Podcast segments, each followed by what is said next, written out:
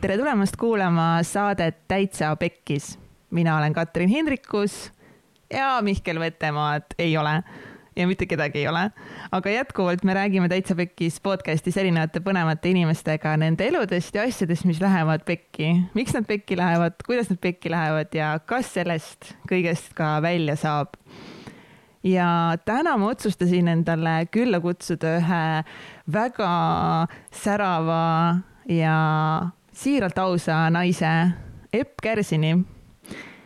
Epp on tuntud kui seksikoolitaja, seksispetsialist, lingam ja jonimassaaži koolitaja. ta on koolitanud Eestis üle kolmeteistkümne tuhande inimese ja Epu teeb eriliseks see, et ta ei ole üldse kunagi turundanud enda ettevõtmisi, ta on null eurot äh, investeerinud turundusse ja tema koolitused on kõik välja müüdud mitu-mitu kuud nii et see naine teab, mida ta teeb ja ta käib äh, ka erinevates äh, koolides andmas siis äh, seksuaalteemadel tunde. erinevad ettevõtted kutsuvad teda enda juurde koolitama. aga Epp ütleb, et armastus päästab maailma ja tal on väga suur missioon ja tema üheks suureks eesmärgiks on, et ta tahab Eestis korraldada, ma ei mäleta, kuidas ta täpselt seda ütles, aga, aga ta tahab reformida seksuaalharidust Eestis. ja ta tahab luua ka äh, siis tervisekeskust, kuhu saavad tulla kõik noored, vanad ja nii edasi, kõik inimesed, et ta, ta on uskumatult äge naisterahvas, ta on teinud elus väga palju erinevaid asju, tantsinud, olnud äh, DJ, õppinud mega palju erinevaid eh, asju. ja see oli meil väga põnev vestlus, me rääkisime, kes ta on, kust ta tuleb ja mida ta on teinud selleks, et jõuda sinna, kus ta täna on. Epp ise ütles, et me rääkisime täna teemadel, millest ta ise varasemalt rääkinud ei ole, nii et eh, see on väga põnev vestlus, minul oli väga tore Epuga ja minge ka tšekkige meie täitsapekkis.ee lehte, sest Täitsa Pekkis live show üks punkt null on tulemas kaheksateist mai eh, Vaba Laval. ma väga ootan teid kõiki sinna, et te näeksite laval neid päris inimesi ja kuuleksite neid päris lugusid. tuleb väga-väga lahe päev ja me ei taha midagi teile õpetada, vaid pigem seda, et te kuuleksite neid lugusid, saaksite ise sealt midagi endale võtta ja ma usun, et need inimesed on väga suureks äh, inspiratsiooniks ja praegu on veel väga hea hinnaga piletid saadaval, nii et äh, minge vaadake täitsapekkis.ee lehele ja jälgige meid Facebookis ja Instagramis. head kuulamist. tere tulemast saatesse, Epp. tere tulemast kui ma Epule kirjutasin, et ta võiks siia saatesse tulla, siis. tead, ma ei tohi öelda sulle vastu tere tulemast, päriselt ka teeme otsast peale, ma ütlesin tere, tere tulemast, see on nagu tere, tore, et sa tulid mulle saatesse aga sa võid öelda endale tere tulemast, kui sa, kui sa, kui sa tahad, tere, tere, ütlen. jah, ütle tere, tere. tere, tere, Katrin et äh, Epp oli nõus lahkesti saatesse tulema, aga ta ütles, et äh,, et me võiksime täna rääkida teemadel, millest võib-olla nii palju meedias temast ei räägita. et kindlasti me räägime täna ka seksist, aga räägime põhiliselt siis, mis naine see Epp meil on, et ta igal pool pildis on ja tema koolitused on välja müüdud ja ta on juba, palju sa oled koolitanud? üle kolmeteist tuhande inimese nüüd noh, paar eestlast on nõu saanud, ütleme niimoodi. no ütleme, et üks protsent Eesti elanikkonnast Vau, vau, kas kellegi, ma ei tea, et ühegi teisel koolitajal või oleks nagu selliseid numbreid ette anda? ma ei tea tõesti no vot. sest mina töötan ju kuus-seitse päeva nädalas või ütleme, et mul on kuus, noh, vahest on ikka tõesti seitse päeva ka nädalas, aga ma teen ikkagi praktiliselt iga, iga päev koolitusi. Täitsa hull naine kõige paremas mõttes. aga alustame sinu lapsepõlvest. kus sa oled sündinud ja milline üldse oli sinu lapsepõlv? ma olen tegelikult sündinud hoopiski Paides siis vanemad kolisid Tartumaale. enamus oma, ütleme sellisest lapsepõlve noorusaastast, et kuni üheksa eluaastani me elasime Avangardi järve ääres, kolhoosis Avangard. selline tore koht oli ja siis hiljem ostsid ema-isa juba maja ja siis me kolisime Kobratusse ja Kobratus oli väga tore küla, siiamaani on väga tore. nüüd on muidugi rohkem lapsi sinna juurde tulnud, aga kui meie sinna kolisime, mul on veel vanem õde, neli aastat vanem vanem vend, viis aastat vanem, siis selles külas oli ainult kaks tüdrukut, mina ja minu õde ja hunnik külapoisse, sellest ka suur armastus meeste vastu. juba noorest peast hullutasid äh, mehi? ei, ma ei tea, kas ma hullutasin, aga mulle metsikult meeldis nendega koos igasuguseid asju teha, siis nad alati pidasid oma kokkulepetest kinni, ei olnud selline ussipesa, eks. et äh, väga suurepärased ja lahedad sõbrad, nii et siiamaani ma nendega suhtlen ahah, aga siis äh, käisid lasteaias ka sealkandis või? ei, lasteaias ma käisin hoopis Tabiveres, seal oli ka selline tore koht, lasteaiabuss hommikul tuli, lasteaiabuss õhtul tõi koju tagasi sinna Avangardi kolhoosi ja nii see läks aga kas sul, võid öelda, sul oli õnnelik lapsepõlv? jaa, muidugi, kahtlemata mul on nagu nii suurepäraselt, noh, isa kahjuks on küll surnud, aga hästi tore pere. meie peres on kogu aeg olnud see kallistamine, musitamine, hoidmine, et noh, kui nõukogude ajal ütleme, paljudel seda peredes noh, niimoodi välja ei paistnud, siis meil oli siis kogu aeg, et hommikul ikka kallid musid, õhtul magama minekul kallid musid, nii et ja kuna ma olen ka veel pesamuna, siis ma olen kindlasti ka väga ära hellitatud oma vanemate poolt, et vaene mees ta kogu aeg musitab ja kallistab, aga talle meeldib seda teha ja läksid sa edasi siis, äh, kus sa koolis käisid? ma käisin, kõigepealt käisin Lähtel koolis, lõpetasin ära seal üheksa klassi ja siis läksin Tartu Mart Reinniku gümnaasiumis. siis oli ta Tartu Gümnaskeskkool, läksin teatriklassi. koolist äh, taheti mind välja visata, sest ma ei allunud äh, tolleaegsetele igasugustele nõudmistele. mida sa tegid? mul oli oma arvamus ja mul oli tõesti see, et äh, ma julgesin väljendada väga selgelt, mis mulle sobib ja mis mulle ei sobi ja õpetajad ei olnud sellega harjunud. ja siis ma läksin üle hoopis äh, õmblemist õppima. lõpetasin, äh, issand, ma kohe nüüd ütlen, Tartu Tartus lõpetasin õmblemiskooli, mul ei tule nimi meelde, ja siis ma läksin edasi õppima juba rõivadisaineriks, et ma olen lõpetanud tegelikult äh, Tallinna Kergetööstustehnikumi ja seitse aastat õppinud õmblemist, nii et võiksin joonistada, võiksin seesama lõiked teha, ise valmis õmmelda. Ja olen ka kunagi teinud, et oli kevadkollektsioon, suvekollektsioon, õmblesin väga palju, nii et siiamaani mul kõik need õmbluspark on olemas, juurdelõikuslauad, masinad ja hunnik õmblemata kangaid. mul isa kunagi ütles, Epp, mitu autoraha, mitu autot sul sinna kangast alla pandud, et siis kogu mu toiduraha läks ainult kangast alla aga mille, mille vastu sa nii-öelda siis seal koolis võitlesid või mis, mis sulle nagu ei meeldinud selle süsteemi näiteks juures? me, me olime koos vist humanitaarklassiga, me pidime lugema mingit kolmkümmend ajaloolist raamatut läbi ja kirjutama välja nagu mingid tähtsamad, kes mida on öelnud ja mulle tundus see nagu nii mõttetu kuskil mingis ajaloos.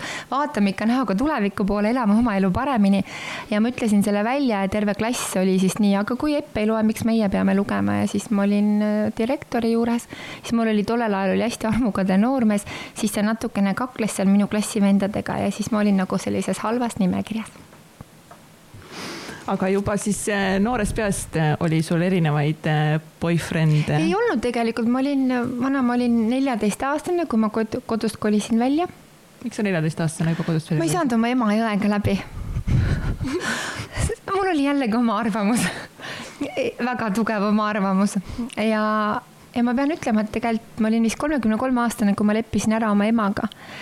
ja ma olen selle teemaga tegelenud ja ma olen ka öelnud, et kõige tähtsam suhe on ikkagi emaga see suhe. sest läbi selle sa nii palju, kas võitled iseenda vastu või oled iseenda poolt, aga kui ma leppisin oma emaga ära, käisin holistilises nelikus, läksin ka õppima Holistika Instituuti hiljem siis nüüd koolitustel ma alati ütlen ka kõikidele naistele, et äh, tehke rahu oma emaga mõistke, toetage, sest meie emad võrdselt on meid kõiki tegelikult armastanud, nad on meid kasvatanud nii, nagu nemad on osanud, nii nagu neid on kasvatatud. ja tõesti, see läheb nagu, see põlvkondade muster tegelikult ju kordub. ja tagantjärgi ema on öelnud, et ta lihtsalt ei osanud mind alati kõigel hetkel nagu toetada ja mõista, aga me oleme tänaseks päevaks väga hästi ära leppinud, kõik asjad on sirgeks räägitud, ema nüüd pensionär, ma ikka räägin sellest, kuidas ta on kodus mulle nii suureks abiks ja tegeleb netipoega ja pakib kõik tildod ja kookosõlid ja küünlad ja ühesõnaga, ta on minu väga-väga suur seljatagune koos minu õega aga mis sa tegid, kui neljateistaastasena sa välja, kuhu sa, kuhu sa kolisid? aga mul tegid? oli hästi tore elu selles suhtes, et mul oli selline vahva noormees, ta oli minust aasta vanem, tema vanemad ostsid meile korteri. me elasime Kärknas, oli selline kahetoaline korter käisime sealt Kärknast Tartusse kooli. Ja oligi äge, elasime nagu miškad, mina olin siis neliteist, tema viisteist ja tema vanemad siis nii-öelda toetasid teid või kuidas te? minu vanemad toetasid ja siis, kuna me olime alaealised, elasime kahe, kahekesti, siis Tartu vald äh, sotsiaalnõunik andis meile ka raha selle eest, et me saaksime kahekesti elada seal tahtsite vist perekonnas selliste noorte musternäidist, et saab küll hakkama kahekesti. ja me saimegi tegelikult, ma arvan, et see õpetas mind nii palju, sest ma sain kindla raha kuus, millega ma pidin hakkama saama. Ja see oli minu enda otsus, kas ma kulutan selle esimesel päeval ära või ma saan ikkagi see kolmkümmend, kolmkümmend üks päeva hakkama. ja ma arvan, et sellest ongi tulnud see mõtlemine, raha ei kasva puu otsas. Ja, ja see nagu minimaalselt nagu hakkama saada, et noh, kõike ei ole mõtet kokku osta, vaid selline hädapärane vajalik, kes mind tunnevad, need teavad, et ma tõesti väga minimaalselt, et mul on nii tore töö, ma võin käia ühe sama kons-, äh, sellise komplektiga kuu aega, sest iga päev on uued inimesed ja mulle kannan nii kaua, mis mulle meeldib ja kui ära tütinen, siis alles vaatan riidekapist, mis on järgmised asjad. Ja see rõivadisaini, ütleme noh, kuna me saime hästi palju sellist äh, disaini ja, ja seda oskust nagu kombineerida erinevaid asju kokku, siis mõnel võib tunduda, oo, nii palju riideid, aga just ongi see elemendid, mida sa saad vahetada ja muuta. Aga kas sa se sellel ajal, kui sa noor olid, neliteist, viisteist, mis sa mõtlesid, et mis siis sinust saab või kes, kes ma tahtsin, tegelikult ma tahtsin, ausalt ma tunnistan, mulle metsikult meeldib tantsida. Ja ma tantsisin äh, iga päev peale kooli kuskil, ma arvan, kolm-neli-viis tundi vahest peegli ees. ja ma tahtsin saada striptiisitariks. mulle meeldis väga Demi Moore'i film See striptiis ma harjutasin seda, ma mõtlesin nii väga, nii väga, aga noh, kuna mul olid väikesed tissid, siis ma striptiisitariks ei saanud mis su elukaaslane sellest mõttest arvas? talle nagu kõik sobis, selles suhtes ta oli hästi tore, mul on alati nii ägedad mehed olnud ja hästi toredad mehed, et ma ei saa kellegi kohta ühte kalpa sõna öelda. Nad on lasknud mul olla see, kes ma olen, noh, mõni natuke rohkem, mõni natukene vähem, aga üldiselt ma olen ikkagi saanud kõik alati oma tahtmise aga kui sa aru said, et okei okay,, et päris striptiisitari sinust ei, ei saa, et kas sul olid mingid teised väljavaated ka või mõtlesidki, et sinust saab tantsija? ja tegelikult ma olen ju tantsinud, ma olen kunagi tantsinud äh, klikitrupis kunagi tantsisin ka kaadris, mingi aeg ka No Big Silence'is koos Monika Tuviga ja erinevates ööklubides Eestis vist olen väga-väga-väga palju ikkagi noh, Tallinn oli põhiline Veenus Club, iga neljapäev ma olin seal. siis oli Hollywood, siis oli Tartu Atlantis Pärnu Mirage, Sunset, midagi veel, nii et ühesõnaga ma olen äh, oma hingelt ja ihult, äh, ma võiksin öelda, et kirg tantsimise vastu ja kirg seksi vastu on kaks minu kõige sellist äh, suuremat naudingute allikat et teenisid täitsa elatist siis oma? ja ma tollel ajal teenisin ikkagi rohkem kui minu vanemad kokku tantsimisega wow. oota, aga räägi sellest Tartus õmblemise õpingutest, et kuidas, kuidas sul need läksid ja kas sul oli ka nagu mõttes, et äkki üldse sinust saabki disainer? et noh, Tartus ma õppisin lihtsalt, oli masinaõmblemine neli aastat, aga kuna ma noh, mind taheti koolist välja visata, siis ma võtsin ise paberid ära, aga mul nii hästi vedas, et see direktor oli nii tore direktor, ta võttis mind kohe teisele kursusele. kuna ma olen ise õmmelnud riideid endale kuskil, ma arvan, kuuendast-seitsmendast eluaastast, siis mul ei olnud probleemi masinaga hakkama saada ja siis ma tegin oma mingit proovitööd järgi ja kui ma lõpetasin Tartu kooli ära, Tartus ma lõpetasin kiituskirjaga, ma olin ikkagi puhta viieline ja ma sain väga lihtsalt sinna Tallinna Kergetööstustehnikumi sisse. aga ma läksin sinna kooli just sellepärast, et ilmselt mul oli lapsepõlvetrauma. ega vene ajal kooli, noh, ei olnud osta tegelikult ilusaid asju ja mulle meeldis hästi riides käia, ma olen, ma olen kaalud minu ümber peab olema hästi palju ilu ja ilusad inimesed ja toredad ja, ja armsad, kõik sellised väikesed disainelemendid on minu jaoks hästi-hästi tähtis ja ma läksin õppima rõivadisaineriks, modelleerijaks just sel samal põhjusel, et kui ma nägin ajakirjas ilusat pilti, siis ma tahtsin, et ma oskaksin täpselt sedasama järgi teha ja täna, kui ma tahan, ma teen selle järgi. Aga tollel ajal õmblesid siis endale? õmblesin väga palju, ma õmblesin tõesti väga-väga palju, et siiamaani on minu suguvõsal, kui kuskilt on mingid sünnipäevad, oo minu kleit, oo minu pluusi, oo minu püksid. nii et see on täitsa normaalne. kui palju su elu muutus, kui sa Tallinnasse elama tulid? Äh, Tallinnas äh... Ah, kõigepealt ma keeldusin minemast ühikasse ma teatasin, ma võin Tallinnasse kooli minna, sain sisse, aga ütlesin ühikas mina elama ei hakka. siis ma rentisin korterit ja oligi töö, tantsimine. siis ma võitsin ära, ma mäletan Veenuses kunagi klubitantsijate võistluse. siis mulle tehti ettepanek seal hakata tantsima ja Monika Tuvi oli see, kes äh, võiks öelda, leidis minus üles selle tantsugeeni ja hiljem ma ka tegelikult olen töötanud Monika Tuvi selles stuudios, mis neil on koos Regina Teinoga, Dance Act ja ma olin seal, oli tants mitte Dance Act oli seal esimene ja, ja see oli tantsugeen oligi, sest Dance Actist nad alustasid mm -hmm. kunagi ja tantsugeeni nad tegid siis hiljem juba koos ja seal ma siis olin treener. töötasin ülekaaluliste inimestega ja Aha. panin kokku programmi, õpetasin neid õigesti toituma, sest ma olen ju tegelikult lõpetanud hoopiski Tartu Ülikooli kehakultuuri teaduskonna lisaks.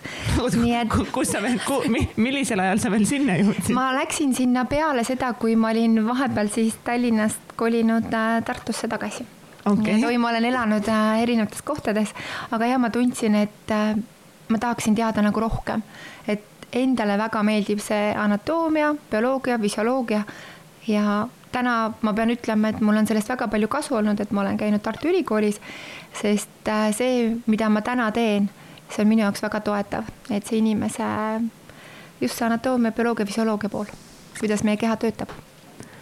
Kas, äh, kas sa läksidki selle nagu teadmisega siis kultuuriteaduste õpp- või mis kehakultuuri, kehakultuuri õppima, et, et see tuleb sul elus ikkagist nagu kasuks või olid sul juba mingid mõtted, et sinust võib kunagi saada koolitaja või pigem oli see tantsu ikkagist äh, eesmärgil? ma olin äh, enne kehakultuuri minekut, ma olin lihtsalt treener, ma andsin trenne, ma olin aeroobikatreener, siis ma olen lõpetanud äh, Eesti Võimlemisliidus selle kooli ja mul on paberid selle kohta, et ma olen aeroobikatreener. ma ei mäleta, mitmes aste mul on. aga ma läksingi kooli lihtsalt sellepärast, et mulle tundus, et seda Eesti Võimlemisliidus oli nagu liiga vähe, et see oli liiga väikene maht. ja paralleelselt siis koolis käies ma ju käisin ka noh, kuna mul on kogu aeg meeldinud õppida, aga alles nüüd hiljuti ma jällegi läksin ja õppisin, et ma läksin õppima paralleelselt siis iluvaldkonda. nii et ma olen olnud iluvaldkonnas pea viisteist aastat ka koolitaja et ühesõnaga hunt kriilsime üheksa ametit on minu elus see tundub juba rohkem kui, kui üheksa ametit. aga, aga ülikooli mulle meeldis tegelikult see mõte, just meil oli hästi tore kursus, meil oli selline põnevad loengud, ennast täiendav, harivad. no ütleme ühesõnaga selline, mis jällegi mu silmaringi laiendas aga ma sain väga kiiresti aru, et ma kekkõpetajaks saada ei taha, sest mulle dressides ja tossudes ei meeldi väga palju käia, aga kekaõpetaja seda ju põhiliselt on. ma olen küll olnud asendusõpetajaks, alles eelmine aasta ma käisin Kadrioru Saksa gümnaasiumis. lapse kekaõpetaja oli haige, ma kirjutasin sinna listi, et ma võin tulla asendama. et ja käisin ja lapsed siiamaani küsivad, et Elli, kuna su ema tuleb meile kekatundi andma? võib-olla lähen jälle kas äh, kõikide nende õpingute käigus oli sul vahepeal tunnet ka, et, et sa, et sa ei viitsi või sa ei, ei jaksa? mul ei ole kunagi sellist tunnet olnud, et äh, mulle meeldib, mulle meeldib, kui on palju teha, mulle meeldib, kui on mitu asja korraga. mulle meeldib äh, tunne, et ma saan enda, ütleme selliseid oskusi või, või neid endale huvi pakkuvatel teemadel ennast kogu aeg täiendada. et ma ei ole see inimene, kes jääb loorberite peale puhkama mul on kogu aeg uued suunad, uued mõtted, uued ideed ja tahan pidevalt ennast täiendada kust sul see energia tuleb? ma ei tea, mul mees kahtlustab, et ma olen tulnukas ja see tuleb kosmosest aga kui sul neljateist aasta, aastasena oli oma esimene boyfriend, siis kuidas edasi niimoodi isiklikud suhted äh, läksid? me olime temaga seitse aastat koos. ma olin kahekümne ühe aastane, kui me lahku läksime ja ega ma ei olegi väga vaba olnud mul on kogu aeg üks tuleb, teine läheb, üks tuleb, teine läheb. ega vist sellist, sellist naist ei saagi nagu niimoodi, teate, üksinda siin jätta, et uks, järjekord on ukse taga. et äh, ma ei tea, mille pärast, aga, aga mulle meeldib suhtes olla, mulle meeldib armastada, mulle meeldib jagada ja, ja ma ei ole selline naine, kes ütleb, et armasta mind, vaid mulle meeldib hästi palju anda ise ja ma olen näinud seda, et kui ma annan tingimusteta, siis ma saan tõesti kuhja ja küllaga tagasi. nii et äh, jah seda armastust on minu sees nii palju, et ma võiks armastada kõiki maailma mehi kas, kuidas siis see seitse aastat kestnud suhe, kas see lõppes, kas sa said haiget, kas sul oli, oli ka raske? mina olen kõik mehed maha jätnud. ilmselgelt mehed, mehed nutavad pärast kodus ja mõtlevad, mis ma valesti tegin. mul on nii kahju, et see selline esimene noormees, et ta siiamaani minuga suhelda ei taha, et mul on nii kahju, et ma aeg-ajalt ikka mõtlen ta peale, eks ma natuke paras põrsas olin, et mul oli kogu aeg selline tunne, et kuskil keegi veel. kui ma tagantjärgi mõtlen, siis ta ta hoidis mind väga palju ja selline tema poolt, äh, ta oli hästi küps sellel ajal, noh, ilmselt äh, võib-olla kui mina ei oleks nii pöörane ja hull olnud, kes teab, eks ju, aga ta õpetas mulle hästi palju sellist äh, paari suhtes olemist, aga ma ei olnud siis valmis seda päriselt vastu võtma. tahtsid kogeda veel? ja ma tahtsin elu, nagu jah? kogeda rohkem, ma tahtsin oma sarvi maha joosta, ma tahtsin kõiki asju teha nii et see, kui ta mind ikka Tartu linnas seal taga ajas, issand jumal, ikka appi, see on, see on ikka täiesti uskumatu, need, kes meid noh, tunnevad, teavad sellest Tartu ajast, siis nad on ikka öelnud, et noh, neil on siiamaani see, et kuidas meie kaks ja kuidas oli ja mis oli. no meil oli ikka täiesti Itaalia perekond. Aga mis ütleks võib-olla tänapäeva noortele, et kes on võib-olla ka oma esimeses sellises pikaajalises suhtes, et kas äh, kas tasub nii-öelda pingutada hullult mingi esimese suhte nimel või ongi nagu ikkagist see, et äh, peaks nagu nägema maailma ja avastama erinevaid inimesi ja? see on nii individuaalne, mõni saab kokku, on esimene mees, on esimene naine ja nad tunnevad ära, see ongi ja see ongi nende jaoks õige. mul on koolitusel käinud paare, kes on kolmkümmend, nelikümmend aastat koos olnud ja nad ongi kahekesti üksteise jaoks ja kõige õnnelikumad aga siis on samas ka neid, kes proovivad, on üks suhe, on teine suhe, kolmas suhe vahest nad on ise ka tunnistanud, et võib-olla liiga kiiresti sai sellest ühest suhtest järgmisse mindud. ma tunnistan ka ise, et ma olen sedasama teinud, aga kui ma nüüd käin koolides loenguid pidamas noortele, siis ma ütlen, et looge see suhe hästi teadlikult. rääkige enda soovidest ja vajadustest. rääkige sellest, mis on sinu ootused, mida sina tahad, mida teine tahab ja ka oma hirmudest ja enda lapsepõlve traumadest ja noh, millest iganes, et inimesed lähevad suhtesse, mõtlevad, oo, alguses on armumisperiood, kõik on väga tore, kõik sobib, oi, küll ma need asjad muudan, küll ma nendega ära harjun. ja kui me pikalt koos oleme, siis tegelikult need pisiasjad, mis alguses võisid tunduda no enam-vähem, need hakkavad niimoodi mööda külgi sind häirima, et sa lihtsalt enam ei saa sealt edasi minna ja, ja kindlasti, et mida äh, rohkem äh, on sellist teadlikkust nii mehes kui naises, seda õigemaid otsuseid me elus teeme kas sa usud seda ka, et, et ennekõike pead sa olema iseendaga rahul ja iseendaga õiges suhtes? jaa, sellepärast, et naist saab armastada siis, kui naine armastab iseennast. mees saab armastada siis, kui tema armastab iseennast. kui naise sees ja mehe sees on nii suur ebakindlus siis see ebakindlus lisaks tekitab ka seda armukadedust ja et ma pole piisav ja, ja nii edasi. armastus tahab vabadust. kui keegi tahab meie armastust puuri pista, siis suhe lihtsalt on määratud hukule. ja loomulikult sa õpid iseennast tundma. Ma mõtlen nii vaimselt, füüsiliselt, no kõikidel erinevatel tasanditel, sest ka head naudingud ja hea paarisuhte aluseks on see sobimine, et me sobime erinevatel tasanditel. et see võib olla suhe ka, oo, meil on suurepärane seks, aga igapäevastes asjades meil lihtsalt ei toimi. Või on vastupidi, igapäevastes asjades on okei okay,, aga näed, magamistoas nagu mitte kuidagi ei lähe ja, ja see ongi see aeg, mina näiteks selles suhtes, kus ma praegu olen, mul on suurepäraselt äge, no tõesti supermees, et me ootasime kaks aastat, enne kui me kolisime kokku. Yeah ja loomulikult, sest ma olen kõikide teistega nagu niimoodi, et teisel päeval, kolmandal päeval võtmed, nädala pärast võtmed, eks ju, kolid kokku. ja, ja nüüd on tõesti see, et äh, tema teab mind läbi lõhki, mina tean teda läbi ja lõhki. samas on ikkagi üllatusmomente, mis on väga tore, sest argipäev ei saagi sattuda kuidagi teele siis. ja ma võin öelda, et ma ei ole mitte kunagi ühessegi suhtesse nii teadlikult läinud kui sellesse suhtesse, kus ma praegu olen. kaua te olete koos olnud mm,? üle kolme aasta mm. -hmm. aga kas sa oled alati olnud enesekindel naine? Nii palju, kui ma ennast mäletan küll ja mul on küll öeldud, üks Peika ütles mulle kunagi, et Epp, ma ei saa aru, kuidas sa saad olla nii enesekindel, ma alati räägin seda, toon naistele näiteks, et ta ütles mulle, sul on pikk nina, suur lõug, väikesed tissid ja kõverad jalad, kuidas sa saad olla nii enesekindel? ja siis ma mõtlesin, huvitav, huvitav, miks ta on minuga koos? Ja teema on selles, et see mees, kes hakkab oma naist maha tegema, tema sees on nii suur ebakindlus. Ja ta üritabki sind maha teha selleks, et ise paremini ennast tunda ega pikka pidu meil ei olnud, ega me kokku ei jäänud. aga sa said ikkagist kohe siis aru sellest, et, et kui mees sulle ütlebki, et sul on kõverad jalad ja kõver nina ja mis iganes, et see ilmselgelt ei, ei ole õige mees. mul kõver ei ole, aga pikk nina et sa said aru, et, et see ei ole õige, see, mis ta ütleb versus see. ja, sest ma nägin ennast peeglist hoopis teist, endale ma tundusin jumalast normaalne ja äge ja siis talle nüüd äkki nagu ei sobi, ma ütlesin, aga palun järjekord võta järgmine, mine edasi, eks ju. ja, ja nii ongi. Et vahepeal mulle lihtsalt tundubki, et, et naised võtavad võib-olla, kui mees ütlebki, et, et sul on kõverad jalad, et siis naised hakkavad iseennast nii hullult kritiseerima ja, ja ennast süüdistama ja ennast nii-öelda muutma, aga tegelikult mees on lihtsalt tropp.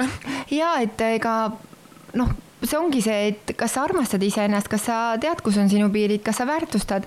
Ja, ja kui see ongi nagu nii keeruline, see suhe, et mees kogu aeg üks asi ei sobi, teine asi ei sobi, kolmas asi ei sobi, siis tänaseks päevaks ma pean ütlema, et mulle meeldib iga päev olla armunud. Mulle meeldib iga päev armastada, mulle meeldib iga päev olla kohal. Ja mulle meeldib minna ja kallistada ja, ja ma ei karda nagu välja näidata enda tundeid, et see ei ole ainult mingi sünnipäev või tähtpäev, et oo, et oled mulle eriline. Ma ütlen iga päev oma mehele, et sa oled kõige ägedam mees. Päriselt nagu, sest ma vaatan teda ja ma tahan teda, sest ta on nagu, ta, ta ongi nagu lahe. ma ei tahaks olla koos sellise mehega, ise ei taha ja teised ka nagu ei taha, mulle meeldib ikka mees, keda teised naised ka tahavad. Absoluutselt. Ja samas ma oletan, et äh, su mees hindab sind täpselt samamoodi. ja ei, ma olen kodus printsess, ma ei tee vist kodus mitte midagi, hommikul praen muna aga kui sa nüüd äh, kõik enda nii-öelda ülikooli koolid äh, ära lõpetasid, et kui kaua sa üldse tantsimisega tegelesid lõppkokkuvõttes siis? issand, ma ei tea, ma olin ikka nii noor, kui ma alustasin mm. -hmm. aga kuna ma lõpetasin, ma isegi ei mäleta, äkki see oli kaks tuhat viis, kuus, ei, siis ma käisin veel ja kaks tuhat kuus, ma arvan, et ma lõpetasin tantsimise mm. -hmm. et äh, jah. aga miks sa lõpetasid? ma ei tea, miks ma lõpetasin, ma arvasin, ma olen nii vana juba. Et enam Veenuse lavale tundus imelik minna. nii palju nagu seda noori, vaata ju kasvab peale, eks ju. kuigi ma pean ütlema, et meil oli hästi karm treener, minu esimene treener oli äh, Monika Sjomgina ja ta oli tõesti hästi range.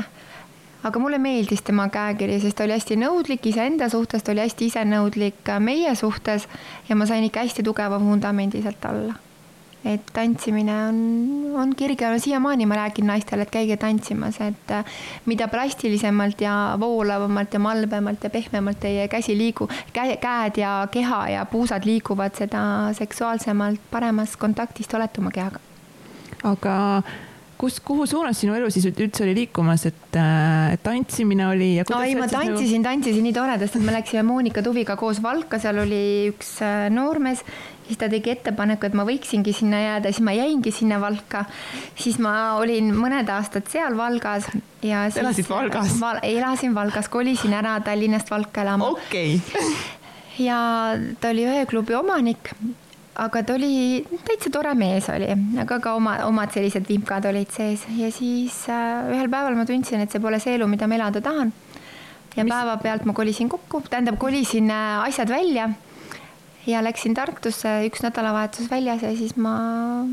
aga kuidas, kuidas sul see taipamine tuli või millest see tuli, et sa said aru, et see ei ole see elu, mida sa elada tahad? mul silmad ei säranud enam ja see suhtlemine oli läinud nii keeruliseks. Aga mina arvan, et meie inimesena, kui me siia maailma sünnime, meie sünniõigus on elada lihtsat ja õnnelikku elu. kui keegi ütleb, et see peab olema raske, töö peab tulema raskelt, õnn peab tulema raskelt, siis ma ütlen, et see ei ole nii. minu töö täna ma ei tunne, et ma käin tööl, see on lust ja lillepidu. mulle niimoodi meeldib see, mis ma teen ja ma olen aru saanud, ka inimesed näevad seda, et ma teengi seda sellise kerguse ja rõõmuga ja toredusega. täna just naised lõpetasid neliteist naist lingamassaaž teine osa. See on nende jaoks just nagu teraapia, nad tulevad, nad jagavad enda lugusid, mina räägin juurde, mis vahepeal on toimunud, mis on praktikas juurde tulnud, mis on uued positsioonid. ja need inimesed, kes on minuga kokku puutunud, ma arvan, et nad on sammuke kindlasti paremad või isegi mitu-mitu sammukest. et see äratundmine enda sees, et ma võin olla mina ise ilma igasuguste sundolemiste ja käitumiste ja mingite maskidega, sest ma olen nii siiras ehe, ma olen kodus samasugune, ma olen täna siin samasugune, ma olen kogu aeg ühesugune, et ma ei püüa kellegi meele järgi olla. ma olen see, kes ma olen. Oled küll siiras ja, ja ehe, seda on alati igalt poolt äh, näha, kus, kus sa käid ja kus sa oled, siis, siis need on täpselt need äh, sõnad, kuidas ma sind iseloomustaks, siiras, ehe ja, ja särav naisterahvas, aga tahaks korra veel sellest, et et see hetk, kui sa tundsid, et, äh, et midagi peab muutuma, su silmad ei, ei sära, sest ma nagu ka nii palju tunnen kuidagi, et inimesed jäävadki kinni mingitesse hetkedesse ja nad ei näe nagu seda, seda hetk, et nüüd, nüüd nagu peaks. aga inimestel on ju nii suured hirmud no,, mis jah. saab edasi, mida arvab teist? ei, ma arvan, et mulle, ma olen sündinud siia maailma, mul pole häbigeeni ja mul ei ole hirmu wow.. et ma olen alati usaldanud tõesti elu. loomulikult ma olen ka patja nutnud ja ma ei tea, et äh, kuidas ma hakkama saan, ma mäletan, et ma ostsin oma esimese auto niimoodi, kõik oma säästud panin, ostsin väikese armsa Golfi endale. kui vana sa olid siis? issand, kui vana ma võisin olla, ma arvan, et ma olin äkki kakskümmend viis kui ma ostsin oma esimese auto. ja kõik säästud läksid sinna, võtsin veel ema käest laenu ja kõik asjad. Ja ma ostsin auto ära, nii et mul polnud kütteraha ka ja siis, ja siis ma käisin, läksin ilusalongi tööle. kõik raha, mis ma teenisin, siis sõitsin küttega, käisin söömas. Ja ma ei teagi, kuidas see, hakkasin, siis ma hakka tegingi oma esimese ettevõtte, oli Clubstyle, andsin trenne, tegin toitumisnõustamisi, pakkusin iluteenuseid. Ja nii läks. Mm. -hmm et, äh, et tead kuidagi sellest äh, aru saada, et midagi ei toida sind, et siis nagu edasi liikuda ja, ja et, äh, et silm ikka, ikka säraks, et tuleb enda sisse vaadata ja võtta see julgus ikkagist vastu. ja mitte teisi kuulata, kui palju on mulle seda öeldud, issand Epp, sa ei ole normaalne, mis asja sa teed, jälle uus asi, jälle lähed järgmisse kooli, järgmine kursus on ju. aga kes, kes need ütlesid sulle? jaa, aga, aga need on, nende inimestega me enam ei suhtle mina olen võtnud otsuse vastu, et ma suhtlen ainult nende inimestega, kellega mul on tore, mul on rõõmus, mul on üks ühine maailm, üks ühine arusaamine asjadest ja elust. ja, ja tänaseks nii ongi. täna ei ütle mitte keegi mulle enam, Epp, mis asja sa teed. Nad on juba harjunud sellega, et ma olen natuke selline võib-olla natuke ettearvamatu ja natukene pööran oma mõtetest, ideedest, aga mulle nii sobib ja neile sobib ka aga kas sa tol hetkel, kui sa said seda nii-öelda negatiivsust, et mis sa teed ja sa oled hull, kas sa siis ei mõelnud korraks, et aga äkki olengi, et äkki see nagu aga ongi veidi? mm. ja mind ei, vot see ongi see osa sellest nagu minu enda elust ja, ja sellest äh, kuhu ma täna olen jõudnud, kui, kui minule oleks läinud korda see, mida mulle üks minu sõbranna väga lähedalt ütles, noh, täna ma temaga enam, mina võiksin temaga suhelda, aga, aga temal ilmselt on nagu mingid teemad, siis ta konkreetselt ütleski mulle, et Epp, et aga mõtle, kui sa hakkad nüüd teistele rääkima, et sulle seks meeldib ja sulle mehed meeldivad, mõtle, mis kuulsuse sa endale saad. minu kuulsusega ei ole juhtunud mitte midagi see on täpselt samasugune, nagu ta oli kümme aastat tagasi, on täpselt sama siiani. ja need inimesed, kellele ma olen meeldinud, ma olen meeldinud läbi aastate nagunii ja need, kes pole mind omaks võtnud, ei võta mind siiani ja nad ei peagi võtma. ja kindlasti ma kõigile ei sobi. ja, ja., ja see ei häiri mind eks niikuinii elus, kui sa teed midagi suurt ja midagi ägedat, siis niikuinii enamustele sa ei meeldi ja osadele sa meeldid, et see on. ja nagu see kriitika on nagu, mul ei lähe see korda, mul tänaseks päevaks, ma olen juba, mul on nii tore lugeda neid netikommentaatoreid, mida rohkem seal sulgudes on seda äh, ütleme, et sada viiskümmend neti kommentaari või mingi kakssada või kolmsada, ma loen need läbi. päriselt ka ja mul ei mitte ükski närv korda ei lähe. Wow. ja mul on kahju nendest inimestest, mul on siiralt kahju. mõtlen, issand jumal, miks nad seda teevad, kui, kui suur peab olema inimese sees see pinge, et ta hakkab kellegi kohta niimoodi kirjutama? Ma ei saa aru nendest inimestest, aga hea on nagu teada, teised teavad ju täpselt, mis mees, kus, kes. Ja mõtled, huvitav, huvitav on ju, et ise ei teagi neid asju, aga nemad juba kõik teavad see on just ja alles ju hiljuti Radaris oli ka saade, mis EVS tegi vihka, vihkamisest Eestis ja just nendest mm -hmm. netikommentaatoritest ja et inimesed anonüümselt mm -hmm. kirjutavad inimeste kohta päris halbu asju ja enamustele see mõjub jah, mina vastupidi olen olnud, isegi kui ma ei tunne kedagi, eks ju, ja, ja ta on teinud midagi väga toredat siis ma olen kirjutanud, et nii tore, et te olemas olete, teete õiget asja, et nagu ma hindan seda, et lihtsalt anda seda positiivset tagasisidet, et eestlased on natukene kitsid, ega mind on ka vaadatud, mis asja sa nüüd teed, eks ju, aga miks mitte? et äh, headus, ma arvan, mida rohkem me seda headust jagame, mida rohkem me sellistele positiivsetele asjadele keskendume, seda rohkem tekib neid juurde kui ma keskendun ainult negatiivsetele, klaas on kogu aeg pooltühja, kõik vinge, halb on ilm ja kõik küte on kallis ja toit on mõttetult äh, toidukorv on nii palju kallimaks läinud.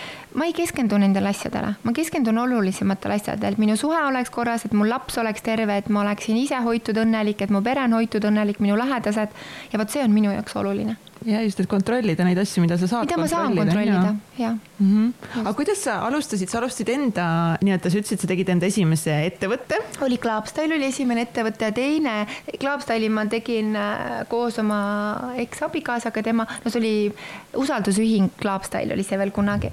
ja siis, kui see aeg läbi sai, siis oli järgmine ettevõte oli Aden Cosmetics, nii et ma tõin Eestisse koos oma eelmise noormehega siis kosmeetikatooteid ja küünetehnikute tooteid. olin ka koolitaja nendel samadel toodetele. üks esimestest, kes hakkas Eestis keellakki viilima, aga mitte sulatama ja ma tegin tohutult, tohutult suure töö. ma ei tea, täna mul endal tekkis, oli nii huvitav, kuidas elu sind lükkab kogu aeg kuskile suundadesse.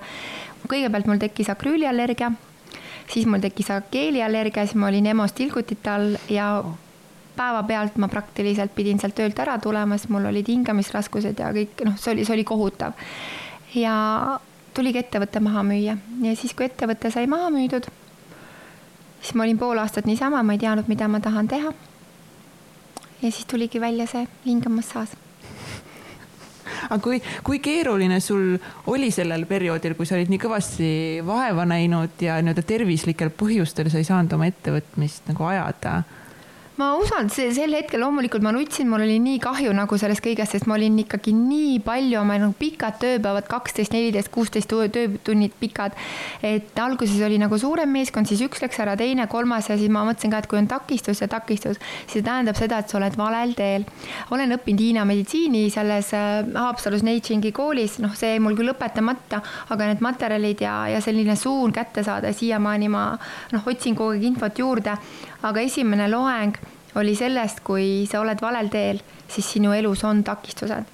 ja see on mul jäänud nagu nii hästi meelde, sest täna see tee, mida mina olen valinud, ma olen nagu, ma tunnen, et ma olen justkui inglitiibadega kaitstud ja hoitud, et üks ja järgmine etapp ja kolmas ja neljas. ma ei ole iseennast kuskile pressinud, vaid uksed on nii vaikselt lahti avanud ja ma saan minna järgmine tasand, järgmine ja järgmine, järgmine. mul on väga suur missioon ma tõesti siiralt usun, et armastus päästab maailma ja, ja see tagasiside nendelt tuhandetelt inimestelt, see on ülivõrdes. kui, kui kaua see, kas see nii-öelda siis, mis diagnoos sulle pandi seal, et äh, lihtsalt olid allergiline nende? mul tekkis akrüüli, ütleme, et organism oli juba nii ära mürgitatud, et mul tekkis äh, üledoos sellest, mul tekkisid hingamisraskused ja ja ma ei saanud hingata, eks mul läks noh, täiesti noh, kõik oli paistes ja selline väga-väga-väga kole. noh, nagu alkohoolikud, kes on kuu aega ainult viina joonud, et ma olin, paistsin selline välja. kas see, see oli sellepärast, et sa olid juba pikalt nagu teinud seda? jaa, sest ma olin ju viisteist aastat olnud selles valdkonnas nii et jah ja ühel hetkel see lõi, lõi välja siis. ja väga paljudel küünetehnikutel lööb see välja ja teis, mhm. teiseks oli see karpaalkanali põletikud, nii et mul mõlemal, nii paremal kui vasakul käel olid karpaalkanali põletikud, kandsin ortoose.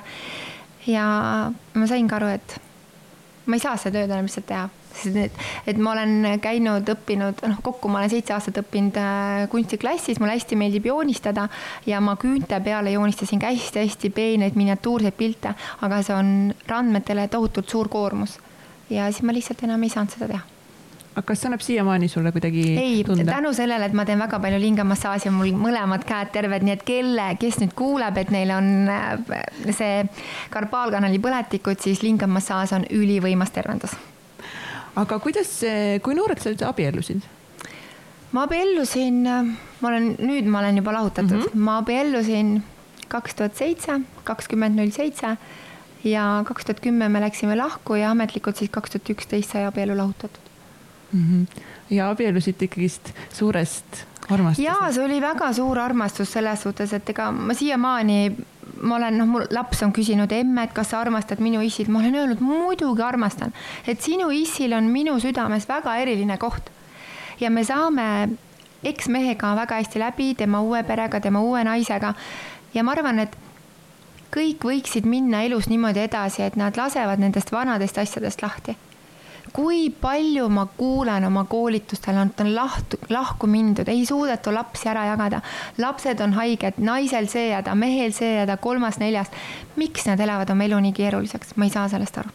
kui vana laps sul on? mul on laps üheteistaastane, tütar, ma nii väga tahtsin tütart, mul on väga kihvt tütar.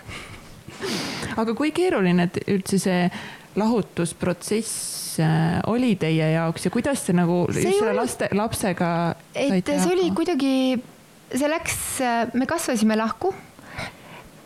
see on see, mida ma nüüd teen teisiti. ma võtan suhte jaoks aega.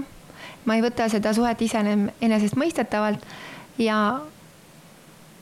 ja mida ma veel teen teisiti, ma annan mehele oma aega. ma ei kurna teda ära ma arvan, et vot see on ka see oskus, et äh, olla koos, aga olla ka eemal sest siis on nagu hea jälle kokku tulla, jälle koos midagi teha.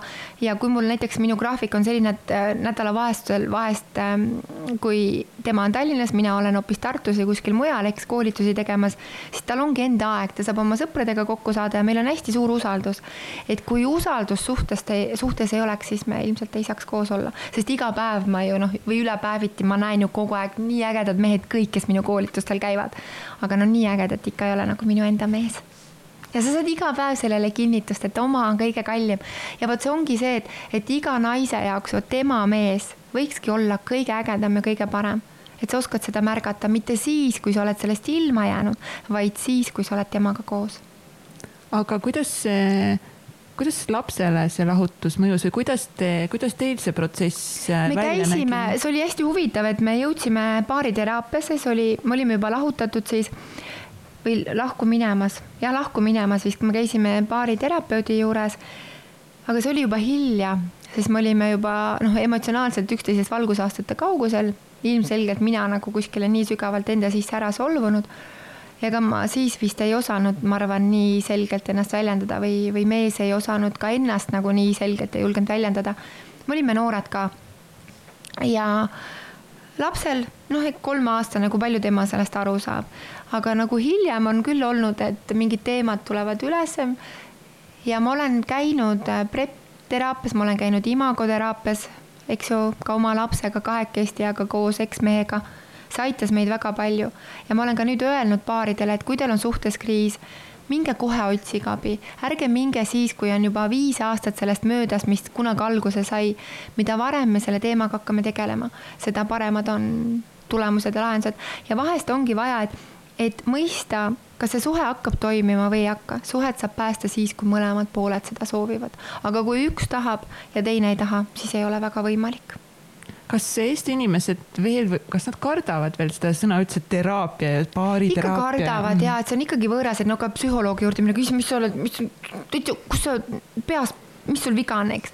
minul on ka, mul on endal hästi tore terapeut on Terje Akman Salakorpi ja aeg-ajalt, kui ma ise ka nagu mingid asjad tekivad, siis ma lähen ja ma räägin, eks ju ja ta oskab kuidagi lahti mõtestada mingid asjad, mis sinu sees, nagu sa ei märka seda sel hetkel. kuigi mul on väga hea terapeut, on ka minu enda mees, et ta kuulab ja räägib ja tõesti tunde. Aga vahest on vaja, et keegi teine nagu, kes ei ole sinu pereliige, et annab sulle või, või suunab nagu sind märkama neid asju, mida sa ise ei ole tähele pannud. et mina olen temalt väga palju abi saanud ja ma olen väga palju enda tuttavaid ja sõpru tema juurde ka saatnud. ja et ma näen ka seda, et väga suureks probleemiks ongi see, et kui ma tunnengi, et ükskõik mis eluvaldkonnas mul on probleem, et kust ma siis päriselt seda abi koos saan, isegi kui ma tunnen, et mul on seda vaja, kuhu ma pöördun, kelle poole nagu, kuidas mm. -hmm. ja meestel on eriti raske rääkida, et ma käisin siin vaimse tervise konverentsil alles mõned nädalad tagasi ja näiteks kui palju on Eestis enesetappe või kui palju on Eestis äh, noorte ja laste depressiooni, ärevushäireid, see on masendav. meil ei ole koolides tundekasvatust, meil ei ole emotsioonidega toimetulekut, aga emotsioonid ongi need, mis meid kõige rohkem mõjutavad. ja me võime emotsioonidest ennast täiesti mõelda haigeks. mulle väga meeldib üks raamat, ma oma koolitusel, see on mul juba teine raamat, mis ma olen ostnud, sest see on nii kapsaks, mul alati näitan ja räägin ja jälle loed, eks ise ka. on Debbie Shapiro raamat Sinu keha räägib sinuga. see võiks olla igal mehel ja naisel kodus, igal noorel kes vähegi lugeda oskab ja kellel on soov siis, siis kaheksakümmend viis protsenti meie mõtlemisest sõltub meie elukvaliteet. kui inimene jääb haigeks, siis probleem on ikkagi kahe kõrva vahel, mitte kuskil mujal mm. -hmm. aga kui, kui sa jäid, kui te lahutasite ja sinust sai üksik ema, kas sa kartsid ka seda teekonda? Ma ei tea, ei kartnud, mul on nii tore toetav pere, minu vanemad, noh isa siis veel elas, eks ju, õde, vend, ma ei tundnud seda, et ma kuidagi ei saa hakkama ja, ja mul on jätkuvalt nagu nii tore nagu eksmees olnud, kes meid toetas ja ta oli olemas ja aitas ja, ja ja, ja ta oli meie kõrval, me ei elanud küll koos, aga ta oli alati nagu kõrval olemas mm. -hmm. et selles suhtes nagu ei olnud nii, et me läksime lahku ja nüüd ütles, et vaata ise, kuidas hakkama saad. et ta toetas meid ja toetab siiamaani et lapse jaoks on ta kõige parem ja kõige ägedam isa. aga kuidas sina üldse enda last äh, kasvatad? kuidas ma kasvatan? ma ei ole tüüpiline ema, kindlasti mitte, kindlasti mitte. ja ta ütleb ise ka, et emme, et, et noh, tal on hästi lõbus, tal on hästi tore ja ta oli seitsme või kaheksa aastane, kui ma pildistasin neid lingamassaaži pilte. tema tegi need mina tegin positsioone, tema pildistas, siis ta oli veel pahane ka, sest ta jäi kooli hiljaks. Nii et, et meil ei ole kodus saladusi, et see oli, see oli vist, ma arvan, et mingi eelmine, eelmise aasta ajal. Jah, eelmisel aastal oli hästi kiire kuu oli, hästi palju kõiki asju teha. Ja no, no mis naisega juhtub, kui tal pole aega iseenda ja mehe jaoks, muutub närviliseks. hommikul kool kiire,, kiire-kiire, Elli davai, ruttu jope selga, jope, kõik asjad saad ta vaatab mulle suurte sügavate silmadega otsa, ütleb emme, mul on tunne, et sul on rahuldamata suguelu. Wow.. ja ma ütlesin talle just täiesti õige. Ma arvan, et äh, enamustel ei, kindlasti ei ole sellist kahjuks suhet nagu enda, enda lastega. Ja just kui me räägime seksuaalkasvatusest ja kõigest sellest, ma olen enam kui veendunud, et tema esimene vahekord on äh, kindlasti kordades hiljem, kui oli seda minul. sest et ma olen talle kodus ära rääkinud, ma olen talle kõik õpetanud, kuidas kondoom peale käib, kuidas sa pead küsima paberit enne, kui sa hakkad kellegiga seksima. et äh, olla kindel. kui, kui vanalt sa hakkasid juba õpetama seda või rääkima? ta hakkas küsima mu mm. käest, sest kodus olid ju töövahendid kõik olemas, eks ju, ta on kondoomidega mänginud, veepomme teinud, no kõiki asju teinud, et ma ei ole tal mitte midagi keelanud ja käisin ka see aasta, käisin tema klassile, ei eelmise aasta novembris käisin tema klassile andmas inimeseõpetuse tundi, viies klass. siiamaani küsitakse, kuna ma jälle sinna läheksin. Et äh, mul on tunne, et ma oskan äh, justkui samastuda selle vanusega, kellega ma koos olen, et kas need on vanurid, eks ju, kas need on lapsed, kas need on noored, et äh, ma ise vahest mõtlen, et see lapsemeelsus võiks jääda igasse täiskasvanud inimesse, siis me ei vanane. sest see hoiab meie hinge noorena ja kogu aeg see pidev soov teada ja täiendada. ma tunnen, et, et minu ees on nii palju avastamata maailma, minu ees on nii palju lugemata raamatuid, mulle meeldib metsikult lugeda raamatuid ja ma tõesti loen ja neelan igal võimalikul momendil, ma loen raamatuid kas äh, teised äh, emmed äh, vaatavad siit nagu natuke imelikult ka, et kes see Epp ikkagist nagu on? ma ei ole seda tundnud mm., meil on lapseklassi nagu vanemad, keegi ei ole sellise pilguga vaatanud. pigem ma arvan, et kui ma käisin inimeseõpetuse tunnis rääkimas hügieenist ja, ja sellistest asjadest, neil on hea meel, et tegi keegi teine seda, et nad ei pidanud sellest ise rääkima ma jätkuvalt, mis on hästi huvitav teada, et see hügieen, see on tabuteema, eks ju, et kui on ikkagi väikesed poisid, et kuidas neid õpetada pesema, kuidas tüdrukud ja sellest ma kõigest räägin oma mm. loengutes, kui ma käin ka koolides, täna ju ma käin koolides ise oma kulu ja kirjadega, koolid mm. kutsuvad mind ise. mina ei ütle, et vot ma tahan sinna-sinna kooli minna, vaid nad võtavad minuga ise ühendust aga lähme tagasi sinna, et kuidas sul üldse kõik see koolitamine alguse sai või kuidas, kuidas sa üldse hakkasid mõtlema, et okei okay,, et äh, seks on lahe, seks mulle meeldib? hakkaks nüüd, äh, teeks sellest endale nii-öelda töökoha ja hakkaks nagu päriselt tegema ega seda? ma alguses ei mõelnud, et ma sellest töökoha teen, sellepärast et äh, ma lihtsalt mõtlesin, kutsun sõbrannad kokku, ostsin kümme tildot Otlipsist ja ütlesin, näitan teile, mis mina teen järgmisel päeval juba tuli, kes helistas, kes saatis sõnumi, kuule, mees ütles hommikul, et ta käib ise, võtab lapsed lasteaiast, on ju, või et, et kuule, et ma viin ise lapsed lasteaeda või kas sa saad ise järgi minna või tead, et muidu tahad, ma teen sulle kohvi, toon sulle kohvi voodis, mingid sellised asjad hakkasid juhtuma, mida justkui nagu varem ei ole olnud. ja see läks nagu kulu tuli. aga mis ongi selle, selle lingamassaaži erilisus on see, et see on sild kahe inimese südame vahel. kui mees ja naine on üksteisest emotsionaalselt kaugenenud, siis naine ei taha seda mehele teha ja mees ei taha ka seda naisel lasta teha. aga meeste ja naiste erinevus on see, et selleks, et naine sooviks mehega intiimsust jagada, ta vajab hästi palju sellist äh, emotsionaalset kontakti ja sidet, eks teda mõistetakse, teda toetatakse ja siis ta soovib. aga mehel on vastupidi, mees soovib kõigepealt vaat, et saaks ja siis ta pakub seda. aga muidugi on erinevaid mehi ka, eks ju, aga aga see lingamassaaž, see on ainult üks osa, väga väike osa sellest suhtest. kõik muud tasandid peavad olema ka korras ja tasakaalus mm. -hmm. aga kuidas see oli, sa, kas sa ennem ikkagist nagu, kui palju sa ennast nagu päriselt ennem nagu nii-öelda teadlikult harisid ennem kui sa mõtlesid, et okei okay,, et äh, ma rääkisin nüüd oma sõbrannadele ja hakkame sealt nagu edasi, edasi liikuma või oli see nagu lihtsalt puhtalt nagu huvi kogu selle valdkonna vastu ja selline loomulik areng? mul on see huvi olnud äh, sellest ajast peale, kui ma olen seksinud ja ma olen hästi vabameelne, mul on, mul pole probleemi nagu iseennast puudutada, iseennast rahuldada ja hea seks saab alguse sellest, et naine iseenda keha tunneb, ma tunnen oma keha igat millimeetrit, igat millimeetrit, mul ei ole nagu mitte ühtegi avastamata kohta ja hea seks saabki sellest alguse, iga naine peaks ennast puudutama, iga naine peaks julgema ennast puudutada. ja see koolitus, näiteks Naine tunne oma keha, hästi tore koolitus kakskümmend naist, igal naisel kahe peale on üks naise mulaaž ja nad õpivadki, kus on sul G-tsoon, kus on A-tsoon, kus on V-kanal, kus on emakakael, kus on rõngaslihas, välimine, sisemine rõngaslihas, ümber aanuse tuhandeid närvilõpmeid, eks ju. ja ma olengi öelnud, et sa puudutad ennast, sa saad kontakti, sa lähed koju ja sa ütled mehele, kallis, tead, mulle meeldib siit ja siit ja siit.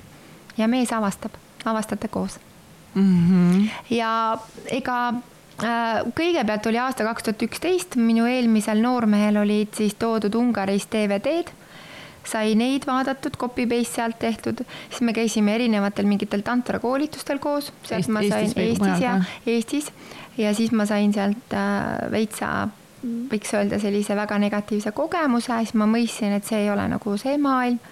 mul ei sobi, kui peab partnereid vahetama, ma olen Eestis ka ainus koolitaja, kes ei tööta terapeudina, mis tähendab, et tõesti noh, minu juurde ei ole võimalik tulla mitte ühelgi mehel lingamassaaži, mitte ühelgi naisel joonimassaaži. mida ma teen, ma olen hakanud tegema nõustamisi et inimesed tulevad, otsivad mind üles ja tahavad teada, et suhtes on kriis, et mida ma saan teha ja ma olen saanud aidata nii naisi kui mehi. on käidud -hmm. eraldi, on käidud koos. ja sellepärast ma läksingi õppima Kiira järve pereterapeutide kooli, nii et eelmine nädal ma alles alustasin. nii et see on ka põnev teekond, et ühel hetkel ma arvan, et ma väga-väga tahaksin nagu teha seda rohkem. kes teab, koolitan välja koolitajad, saan aidata paare nõustamistega, keskenduda ise jällegi mingisugusele uuele suunale, aga samas ma tahan ka olla ikkagi ise ka koolitaja mingisuguse koormusega, aga kindlasti tulevikus võib-olla kahekümne, kolmekümne aasta pärast, sest mulle ikkagi see meeldib mm. -hmm. aga kui, kui rääkida veel sellest, et kuidas kogu sinu nii-öelda see karjäär, kui nii võib öelda, alguse sai, siis rääkisite, et te käisite tantrakoolitustel. kuidas, kas kas inimesed hakkasid ise sinu tee, leidma teed sinu juurde või oli sul nagu kindel plaan, et kuidagi, et sa hakkad nüüd äh, seda äriliselt tegema? mul on esimene ettevõte, kus mul ei ole Exceli tabeleid, see on mu esimene ettevõte. ja, ja see on tõesti nii, et see ei ole mitte kellegiga kahasse tehtud ettevõte, see tuli minu enda seest. ma ei ole mingisuguseid projekte kirjutanud, mingisuguseid rahasid taotlenud. Kõik äh, võimalused, mis ma olen loonud, on tänu sellele, mis, mis minu enda ettevõttel on olnud. alguses alustasin hästi vaikselt, tegin nädalas seal äh, kaks koolitust, eks ju. kas sa mäletad enda päris e-, esimest ja, mäletan, see oli seitsmes veebruar ja see on minu ühe vene sõbranna sünnipäev oli see vanalinnas. ja kui ma sinna õhtul pool kümme jõudsin, siis nad olid rohkelt juba alkoholi joonud ja see oli nii meeleolukas koolitus, et seda lihtsalt ei ole võimalik ära unustada. nii et see aasta, seitsmes veebruar kaks tuhat üheksateist sai mul neli aastat täiskoolitusi tehtud mm. -hmm.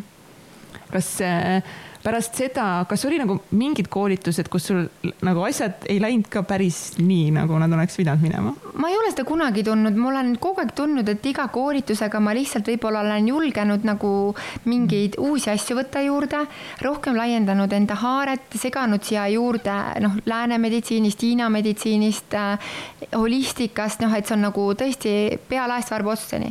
et see koolitus ei ole ju ainult praktika, vaid seal on väga palju teooriat kas sina oled käinud mu koolitusel? ei ole kuidas sa ei ole? ma ei tea. ma arvan, et sa peaksid tea. tulema ja siis sa saad eraldi sellest podcast'i teha, et käisin EPU koolitusel, kuidas mul seal läks? kodus, kas sul praktika siis on kellegi peal ikka teha kodus, jah? Egert siinsamas. Egert, Egert saab praktikat varsti aga ma saan aru, et kõik su koolitused on välja müüdud, et ma pean mingi eri. aga ma võtan sinu niimoodi, et sa saad koos minuga teha ühte tildot. nii on ka võimalik keegi pole mulle kunagi nii põnevat pakkumist teinud.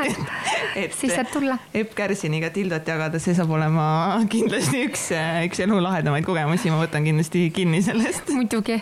aga kas, kas sul oli nagu inimeste või naiste ette nagu raske astuda ka, et nagu...? ei olnud, ma olen käinud teatriklassis, ma olen mm. õppinud tegelikult näitlemist ja ma olin ainuke meie kursuselt, kes ei läinud lavakasse katsetele, sest mul tolleaegne see Valga noormees oli nii kuidagi, ta ei lasknud mind lihtsalt sinna minna ja mul olid kõik etüüdid õpitud ja ma läksin isegi kitarri õppima selleks, et ma saaksin seal laulda ja tantsu lüüa ja kõiki asju teha. aga jah, ma ei saanud sinna. ja siis ma olen nüüd mõelnud, et iga koolitus on minu jaoks nagu teatritükk hmm.. ma olen üksinda laval, kõik kuulavad mind, plaksutavad, naeravad vahest ka nutavad, sest mingisugused sellised sügavad äratundmised või alla surutud mingid emotsioonid hakkavad üles tulema mm. -hmm nii et lõpuks sa ikkagist saidki oma, oma nii-öelda teatrilava, aga sa ise lõid endale selle. ja, ja ma see aasta ma nii väga soovin, et mul oleks emal ja õel helistada võimalikke aegasid, leppida kokku kultuurimajadega. ma tahan teha sellist äh,, ma ei oskagi öelda, ta ei ole nagu monoetendus, ta on selline hariv loeng Armastus päästab maailma, kuhu saavad tulla mehed, naised, lapsed, noored, vanad, kõik, kes tahavad, et ma annan edasi selle info, mis on kõige olulisem, et inimesed hakkaksid mõistma, miks ma seda teen? Miks ma täna seda teen, miks ma käin oma kulu ja kirjadega koolis, miks ma töötan hommikust õhtuni, miks ma teen, sellepärast et ma usun, et need inimesed, kes on õnnelikes paarisuhetes, kes on osanud teadlikult luua selle suhte, et nad ka oskaksid seda hoida. Mm. ja kindlasti ühiskond muutub palju-palju paremaks läbi selle, kui on õnnelikke inimesi rohkem. Mm. -hmm ja kasvõi ennetuse, noh, mida, millest ma räägin, kui palju on neid mehi, kes teavad, et alates viieteistkümnendast eluaastast tuleks mudida enda munandeid ei, nad sügavad oma mune, aga nad ei tee munandite massaaži. munandivähk vanuses viisteist kuni kolmkümmend viis hüppeliselt on kasvanud. teine teema, millest ma väga palju räägin, on naiste rinnamassaaž.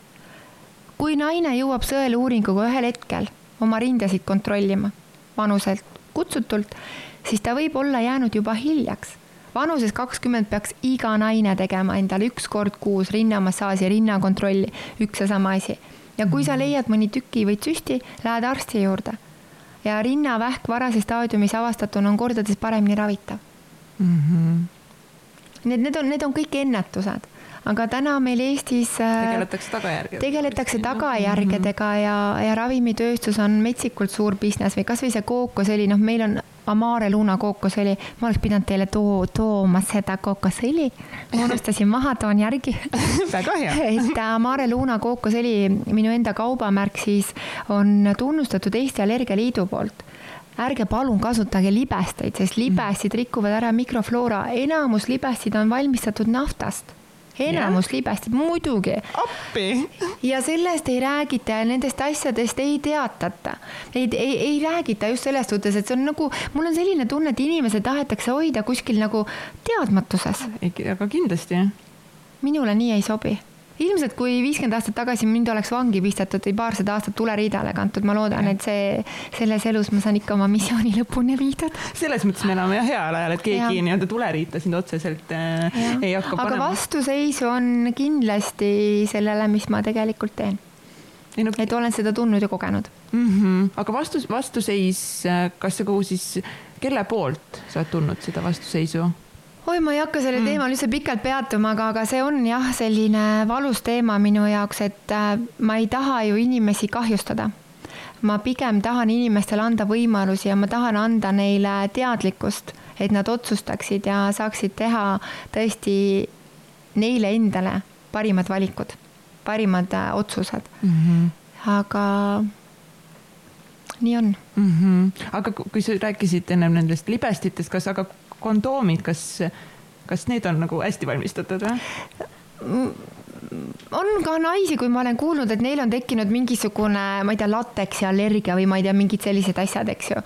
et äh, lateks või siis äh, erinevad on muidugi mingid odavad kondoomid pole väga noh, kindlasti tuleb kontrollida, et säilivusaeg oleks õige ja kõik sellised asjad, et kondoomi ei tohi hoida kuskil koti põhjas või rahakoti vahel või püksitaskus. et äh, ja teiseks kindlasti üldsegi ei ole mõtet seksida nii, et sa saad kellegiga kokku, sa ei tunnegi teda, sa ei kasuta kondoomi, küsid, et kuule, et kas sul on midagi viga, ta ütleb, oo ei ole, eks ju, hakkame tegema, siis äh, tänaseks on HIV eestlaste hulgas väga kõrgel kohal vanuses kolmkümmend viis kuni viiskümmend viis ja Eesti on Euroopa Liidus teisel kohal, kus on kõige rohkem HIV-d. sealhulgas on lapsed, noored ja ei ole enam süstivad narkomaanid. käisin jaanuaris meditsiinivaldkonna foorumis ja sellest ka räägiti.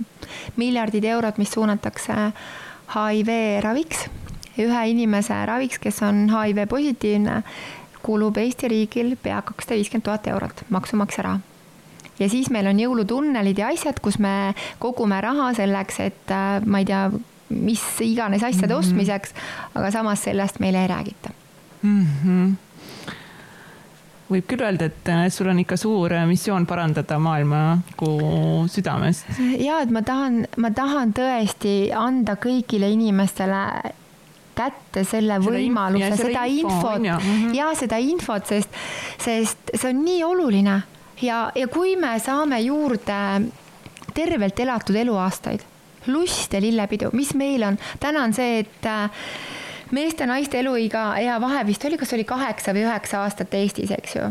ja eluiga on justkui nagu kasvanud, aga tervelt elatud aastad on vähenenud mm. -hmm. et kui inimene lõpetab tööl käimise ära, ta on pensionär, siis ta ongi nagu ahelvari ja ta ei saa enam väga ringi lustida mm. -hmm aga kui sa hakkasid enda koolitusi tegema ja huvi nende vastu kasvas, kuidas sa oma äri üles ehitasid, ma tean just seda, et sa oled vähemalt rääkinud, et ühel hetkel kõike seda oli nagu väga palju ja, ja siis ma ei saanudki ise enam hakkama, siis ma tegin õele ettepaneku, et ta tuleks nagu mind assisteerima, mu õde, mul on vanem õde, neli aastat minust vanem. ja tema paneb kõik minu koolitusgraafikud, tema tegeleb äh, raamatupidamisega, kontrollib seda, et ma ennast üle ei töötaks, vahepeal ma ikka salajalt seda teen. aga, aga siis jah, tema on selline minu mälupulk ja, ja kõik see aga mis hetkel sa tundsid, äh, et nüüd on vist äkki nagu koormus läheb väga suureks, et sa ei saa üksi enam hakkama? ja et kui mul oli ikkagi seitsme päeva jooksul oli vahest äh, koolitusi seal kolmteist, neliteist koolitusi, siis ma tundsin, et seda on too much mm. -hmm. et siis nagu läks ja kõik, kõik see, kõik see majandamine ja kõikide nende asjade tellimised ja, ja suhtlemine tarnijatega ja seda, noh, täna mul seda ei ole, et mina ainult ütlen ja siis õde ja ema teevad mm. -hmm. aga kas kas sa tundsid ka seda, et äh,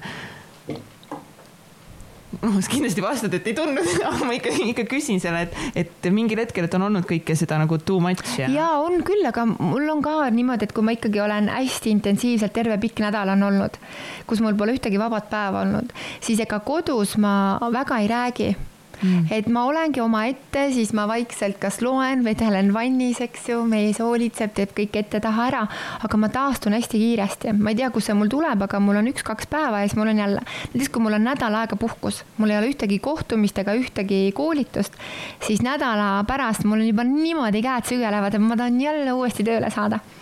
aga kui tihti sa võtad endale puhkust? ma püüan ikkagi kord kuus võtta endale vabasid päevasid, et äh, kas on nädal või on see siis kolm-neli päeva, aga kindlasti üks kord kuus ma pean puhkama. ja mm. siis ma tõmban täiesti juhtme seinast välja ja siis ma ei tegele mitte millegagi oled äh, perega ja? ja olen perega ja mulle meeldib magada, mulle metsikult meeldib magada, mul on nii hea tekk ja padi ja siis mul on selline, et äh, ma võin vahest magada kaksteist tundi ka järjest, nii et mm. -hmm. ja samas vahest on mul, kui mul on hästi intensiivne periood, magan vähe, vahest eks ju viis tundi, kuus tundi vahest ka neli tundi, siis ärkad ülesse ja sa tead, et sul on vaja kõik asjad ära teha ja sa jõuadki teha ja samas, kui sa oled nagu ühel hetkel hästi palju panustanud, mul on hea meel selle üle, et ma saan ise oma graafikut panna, täpselt nii palju koolitusi, kus ma tahan.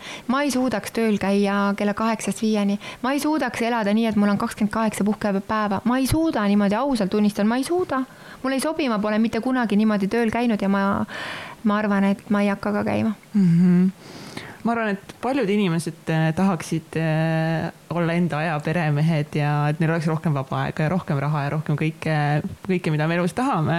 aga ikkagist ongi hirmud need, mis takistavad paljudel inimestel nagu tegemast seda, et mis, kuidas, kuidas sina selle kõigega hakkama said või kuida-, või mis sa ütleksid teistele aga ühiskond ju teeb väga palju selleks, et on hirm ja häbi ja selline just see, see, see hirm ja hirmutamine, et sa ei saa hakkama, sa pole piisav.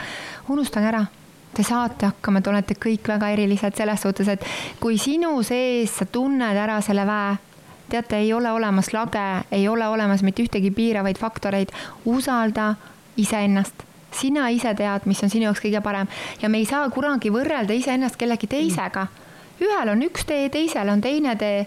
Ja nii ongi teisiti mm -hmm. pole see võimalik mm. -hmm. see võrd, võrdlemine on tänapäeval eriti hulluks läinud tänu sotsiaalmeediale, Instagramile mm -hmm. ja mhm. kõigele, kus inimesed jagavad just enda. mina ei jaga mitte midagi, ma nii harva, kui ma sinna midagi postitan, on tõesti väga-väga harva, et äh, ma ei pea seda vajalikuks, mul ei ole sellist aega, ma tõesti ei, ma ei taha seda ja ma ei ole ka kuskile pannud, oo minu mees või minu pere või käin seal reisil ja seal mm. reisil. milleks mm? -mm, ma keskendun nagu päris elu, päris asjadele jah, et äh, tulge välja sotsiaalmeedia maailmast, mis on nagu väga suur vihje mulle endale, kes ongi Instagrami sõltuvuses ja teeb ainult postitusi hommikust õhtuni.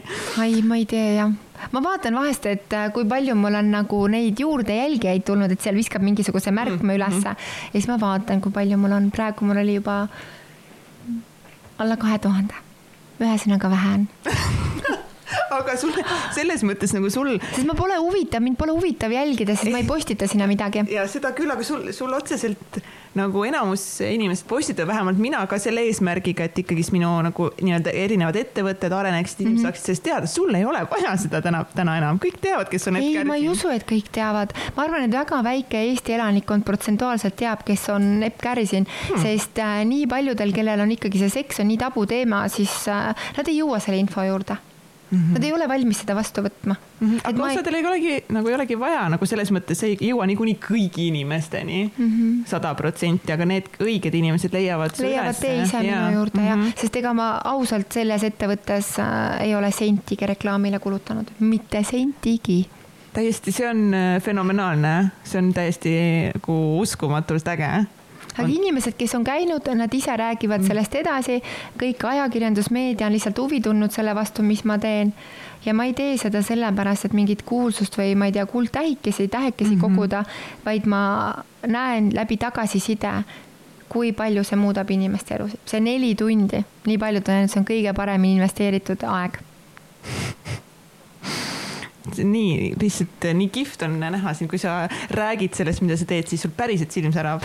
see ei ole, see ei ole nali inimesed, praegu küll ei näe Eppu, aga tal alati ta naeratab ja silm, silm särab, et on näha, et sa tõesti armastad seda, mida sa, mida sa teed. Ja tänu sellele ma arvan, et tõmbadki ligi kõike seda head endale. ja et on ju, eksisteerib kaks paralleelset maailma, on selline positiivsete inimeste paralleelmaailm, kus ongi, kõik on hästi ja kõik on tore ja kõik on võimalik ja inimesed on toredad. Ja, ja kui sa küsidki mõne inimese, kuidas on sinu elu? Ta ütleb sulle, tead, mul on jumalast äge elu, siis see ongi selle inimese jaoks äge elu ja küsid mõne teise pealt, aga kuidas sinu elus, ta ütleb, issand, täitsa mõttetu, kõik on halvasti. aga see tulebki sellest, et selle enda inimese sisemaailm on nii mustades toonides ja ta ei oskagi seda head märgata. ta keskendub ainult sellele halvale ja negatiivsele mm. -hmm. aga kui, kui, kui meil on elus selline raskem periood, meil kõigil on ma usun, et ka sinul aga minul on, muidugi on minul, ma ikkagi nutan ja siis meil on ikka täiesti Itaalia perekond, kui ma olen ikka vihane ja kuri, siis ma olen vihane ja kuri. ma olen ikka nii vihane ja kuri. eile mees ei tulnud õigel ajal, aga ta on alati täpselt, ta ütleb mulle minuti pealt. Ja siis tal tuli mingisugune väike asi, tegelikult ta ei hilinenud üldse palju, viis minutit, aga mul oli juba kõik praed valmis, söögid tehtud, kõik onju. Ja näen mees helistab, laps võtab telefoni vastu, nad õudselt hästi omavahel klapivad, tõesti väga-väga hoiab. ja siis tütar ütleb, vaikselt räägib. ma võtsin ise telefoni vastu. emme on natuke kuri su peale. ütles Elli, et ei ole nii kuri, olid küll kuri ja, ja vot tema ongi nagu võib-olla ka vahest selline puhvriks, et ta nagu nii hästi oskab, et kui noh, minul on tujud tujud ja tunded, eks ju, nagu Nublu laulab, eks ju. aga, aga tõesti ma olen nagu avatud raamat, mind ei ole üldse keeruline lugeda, minust saab kohe aru, kas mul on hea tuju, kas mul on halb tuju, kas mul on kõik hästi. ja kui ei ole hästi, siis ma ei karda seda ka välja näidata aga millised on võib-olla mingid, mingid asjad, mis sind võib-olla ongi nagu natuke võib-olla kurvaks teevad või panevad nagu mõtlema või mis, millistel hetkedel sa ei ole nagu õnnelik? näiteks millistel hetkedel ma võin rääkida, kui ma sain aru, et äh, mul ei ole isa enam, see oli aasta kaks tuhat kuusteist, november. ma olin jälle võtnud endale erakoolituse laupäevaseks päevaks ja veel kaks koolitust ja ma sõitsin Pärnusse. ja ma ei olnud mitu-mitu kuud oma isa näinud, sest tema, ta töötas öövahetuses ja kui mina tulin nagu koju kobratusse, neile noh, nagu maale läksin, siis isa tavaliselt magas, sest ta pidi päeval magama, et õhtul nagu tööle minna. ja meil kuidagi nagu need ajad üldse ei klappinud. ja ma nii mäletan, kuidas ma nii väga tahtsin, et ma pole nii isat nii ammu näinud, et ma tahan temaga rääkida, ma tahan temaga sööma minna, kõiki asju teha ja õde helistas mulle lõuna ajal ja ütles, et Epp, et et äh, isa ei ole enam. vot siis vajus minu maailm kokku, sest ma olin kogu aeg võtnud iseenesestmõistetavalt, et ta on minu jaoks olemas, et ta ootab mind, et siis, kui mul on ükskord aega. ja nüüd on see, et kui minu laps ütleb või minu ema ütleb, eks ju, et nad tahavad minuga koos aega veeta, ma ei mõtle selle peale. ma lähen mm. ja ma olen nende jaoks olemas mm. -hmm. et äh, seda aega me ei saa tagasi, kui meil on võimalus olla koos vanematega olla ja nüüd ma kutsun ka alati oma ema siia Tallinnasse ja käime koos shoppamas ja käime söömas ja veedan temaga rohkem aega ja kuulan teda, mitte ei ole kuskil telefonis, kus ta minuga räägib. vahepeal ikka juhtub, et olen, aga üldiselt jah, ma nagu väga teadlikult olen rohkem hindamas neid inimesi, kes on minu kõrval mm. -hmm. paraku elus tavaliselt on jah niimoodi mm, -hmm. et sa mhm. alles siis, kui sa midagi väga valusat üle elad või kedagi lähedast kaotad, siis sa alles hakkad nagu hindama seda. ja meil on nagu aega. hästi kokkuhoidev perekond, et mul on nii äge vend ja mul on nii äge õde ja ja, ja nende pered jällegi omaette, et kui meil on jõulud, siis meil on selline suur pikk jõululaud ja, ja ongi hästi vahva ja hästi-hästi-hästi-hästi nagu selline hingeliselt toredad ja rõõmsad inimesed, kes on kokku saanud ja meil on hästi positiivne pere kas, kas sa kirjutad üles ka enda mingeid unistusi ja eesmärke? ja kirjutan, mul on täitsa näiteks voodi kõrval on mul selline asi nagu märkmik, kuhu ma kirjutan üles enda unenäod, sest ma näen unenägusid ette ja väga paljud nendest unenägudest on väga märgilise tähtsusega. ma olen näinud asju ette ma näen mingeid mälupilte ja vahest ka mm. lihtsalt niimoodi, et ma jään, hakkan õhtul magama jääma ja mul tulevad mingisugused mingid infot lihtsalt ja siis ma kirjutan need asjad ülesse. ja hommikul esimese asjana ma ei tee kohe silmi lahti, vaid ma hakkan mõtlema tagasi seda unenägu. see on nagu see teadlik unenägemine ja kui mul on vaja küsimusi, siis ma olen ära õppinud selle, et ma õhtul, kui ma lähen magama, siis ma annan väga selge küsimuse, millele ma soovin vastust. ja tihti ma saan selle vastuse. Kus sa, kus sa õppisid? ma ei tea, see on mul väiksest peale olnud mm.. okei okay ja aga kas, kui hästi sa mäletad oma unenägusid või kas sa oled treeninud? ma pean, ma räägin peensust siin ära. ma näen värvilisi unenägusid, ma räägin kõikidest detailidest, kõik asjad täpselt nii, et nii on. aga mis ajast hakkasid neid üles kirjutama, neid unenägusid? ma hakkasin neid üles kirjutama, ma arvan, aastal kaks tuhat üks, neid unenägusid mm. -hmm. jah ja, ja siis on vahest on niimoodi, et tuleb lihtsalt, lihtsalt tuleb mingisugune luuletus, ma ärkan niimoodi öösel üles, ma pean neid luuletuse ja. niimoodi ära kirjutama, siis hommikul loed, vaatad oh,, see on minu kirjutatud kunagi, kui mul oli rohkem aega, siis ma, no vot, ma olen õppinud kitarri natuke, üritasin minna tagasi nüüd Anne Adamsi juurde õppima. elutempo on praegu nii kiire, ütlesin Annele, Anne, tulen siis, kui on natuke rohkem aega. ja ma kunagi kirjutasin ise luuletusi palju-palju rohkem ja tegin neile ka viisi ja laulsin et ma olen mänginud äh, lähtekoolis kunagi ansamblis, akustilist kitarri, kõik olid ülejäänud poisid, mina olin ainukene tüdruk. Nii et äh, kõik, kes tahavad sinna hakata bändi looma, siis, äh, just. siis saate Epo endale kitarristiks võtta. no ma, ma olen väga palju ära unustanud, aga ja ma vahetasin oma kitarril, vahetasin keeled pehmemate vastu, sest ma ei saa enam mängida nende väga tugevate keeltega, siis sõrmeotsad lähevad noh nagu paksuks, aga mul on vaja puudutada hästi õrnalt ja tundlikult, nii et nüüd on mul paremad kitarrikeeled. aga mis, millest sa näiteks praegu unistad või mis on sinu eesmärgid? ma unistan äh, tervisekeskusest, ma unistan Amare Luna tervisekeskusest, kus oleks noorte nõustamiskabinet, kus oleks meestele eesnärvemassaažikabinet, et mees ütleb rõõmuga, tead sõber, ma lähen täna sinna meeste tervisekeskusesse. mul oli täna just lingamassaaž teine osa ja ma õpetan ja ma näitan, kuidas mehele teha seda eesnäärme tervendavat massaaži. mul on tuhandeid töötunde selle taga ja ma tõesti naudin seda ise tehes, ma naudin seda jagades, seda õpetades. Eesti meestel eesnääre on üsna kehvas seisus. kui rääkida jälle statistikat, siis Eesti mehed on Euroopa Liidus teisel kohal, kes surevad eesnäärmevähki. kui paljud mehed käivad kontrollimas enda eesnääret? Kui mul on grupis kümme meest, siis tavaliselt on üks-kaks meest käinud. ja eesnäärme ei pea mine-, eesnääret ei pea minema kontrollima meestearsti juurde, aga võib minna ka perearsti juurde või siis SYNLAB-i näiteks teha PSA test ja läbi selle on ka võimalik vaadata, missuguses olukorras on eesnääre. ja kui on põletikuline, siis alles minnakse, suunatakse edasi mm -hmm. kontrolli. mis sa arvad, millal äh, sinu tervisekeskus uksed avab? Mm, ma tahaksin, et see oleks viie või kümne aastaga plaanis, sest äh, sellist tervisekeskust nagu minu enda mhm. peas ja minu mõtetes, nagu ma ütlesin, ma näen asju, siis sellist Eestis teist ei oleks mm. -hmm. aga see tuleb? ma olen kõik äh, oma unistused, mida ma olen näinud, kõik on tulnud mm. -hmm. aga millest sa veel unistad? unistan enda raamatust, mul on juba tegelikult plaan olemas, millest see võiks yeah. olla siis ma unistan enda koolituskeskusest, sellisest suurest koolituskeskusest, kus saab tulla ka vanuses kaheksakümmend proua ja ütleb, et vot ma tahan vot seda ja seda, seda asja õppida mm. -hmm. et praegu ma olen üksinda üksainus koolitaja. minu käest on küsitud, aga miks sa ei koolita teisi inimesi juurde?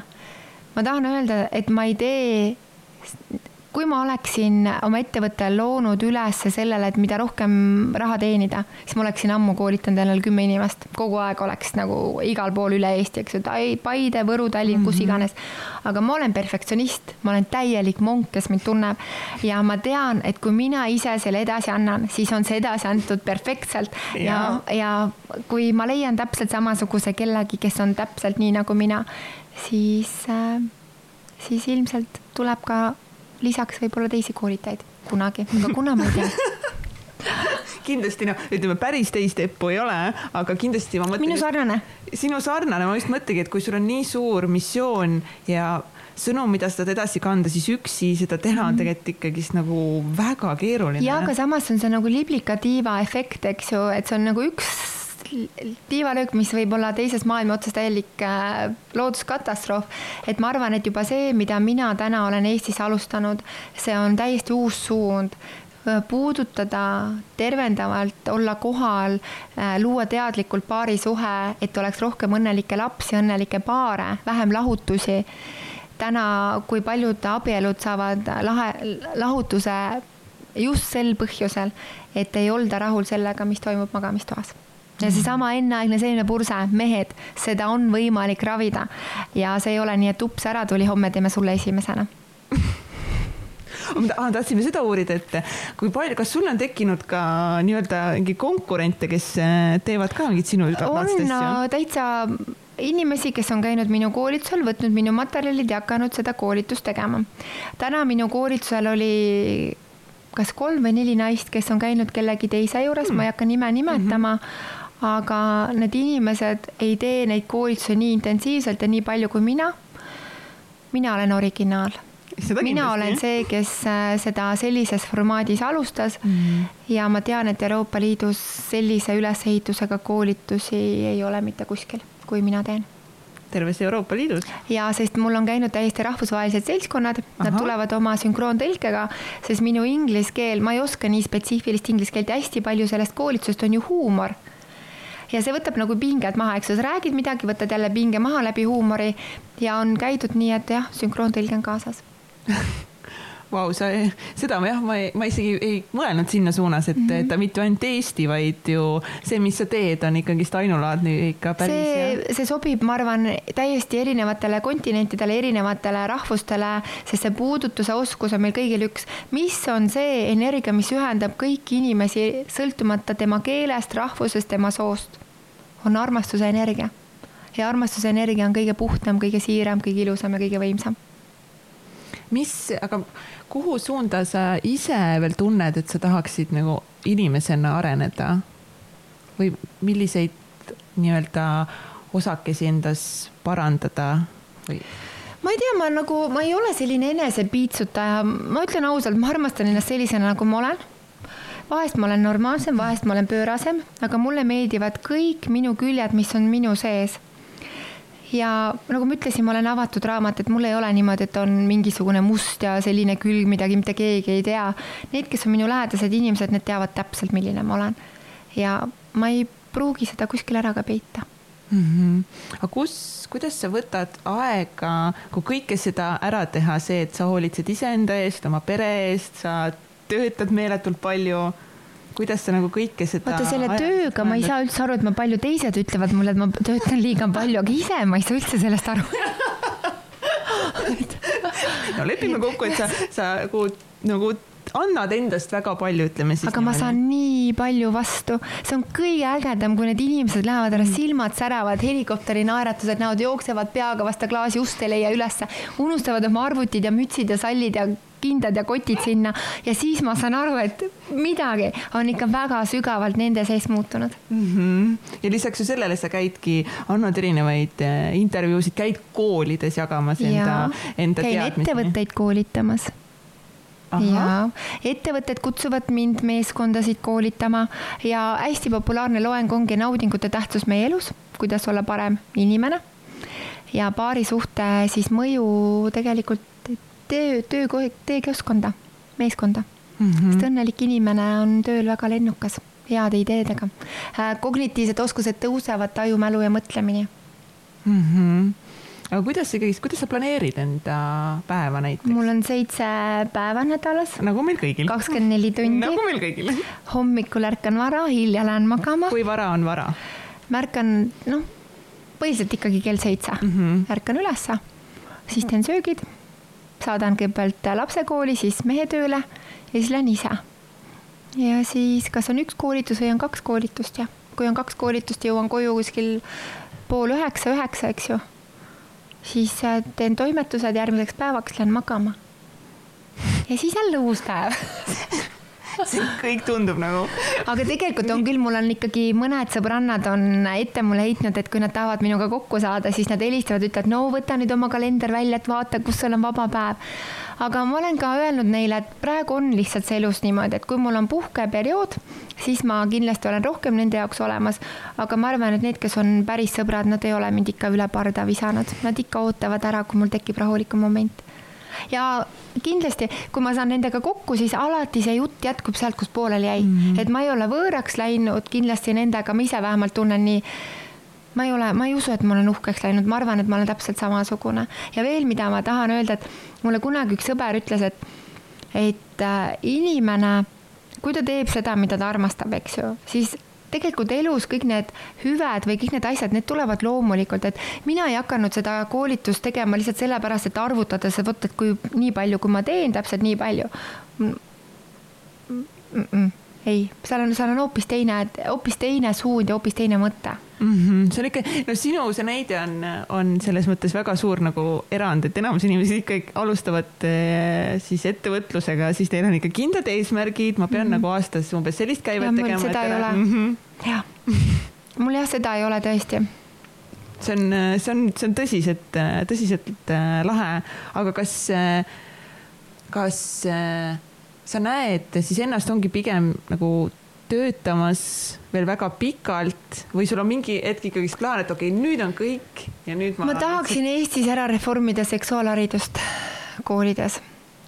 et äh, see on üks, ma arvan, et see saab olema minu elutöö. sest need noored, kellega ma olen kokku puutunud, nad on öelnud, et mitte kunagi mitte ükski õpetaja, vähemalt nendes koolides, kus mina olen käinud, nad ei ole kunagi tundnud sellist vabadust et ma räägin asjadest nii ausalt ja mhm. ka siis ei ole õpilastele ega noortele ebamugav ja, ja need noored ongi, kui ma ütlen ausalt, see on nagu nii kole, ma üldse ise niimoodi ei räägi, aga ma käisin ähm, kahele kümnendale klassile, ma kooli jätan mine, noh mainimata, et üks tütarlaps kirjutas tagasiside lehena. aitäh selle koolituse eest, ma mitte kümnes klass, ma mitte kunagi enam ei nussi täis peaga. ma lugesin seda lauset mitu korda ja ma mõtlesin, et see ei ole võimalik kümnes klass ta kirjutab nii. siis oli üks kaheteistkümnenda klassi tüdruk, kes kirjutas, et äh, seks on mõttetu, ükskõikne igav, ta on juba kaheteistkümnendas klassis. ja ta läbi selle loengu sai teada, mis on tegelikult võimalik, vaid kuidas peaks olema eelmängu osa või kuidas luuakse see armastuse ruum kes loob armastuse ruumi, kuidas see luuakse, kuidas see jääb kestma, kuidas seda osatakse hoida? miks meile ei õpetata koolis teadlikku paarisuhet, kuidas seda luua, kuidas see kestaks ja kuidas ja. oleksid inimesed õnnelikumad. samamoodi, miks meil ei õpetata koolis tervislikku toitumist, finantsharidust. Need kõige olulisemad mm -hmm. eluasjad, eks ju, jäetakse rääkimata ma ütlen, et ausalt, no ma ei tea, füüsika ja noh, matemaatika jah, eks, aga oli nii palju õppeaineid nagu millest noh, hea küll, aju sul areneb mm, -hmm. aga reaalselt nagu kasu sul nendest ei ole mm. -hmm.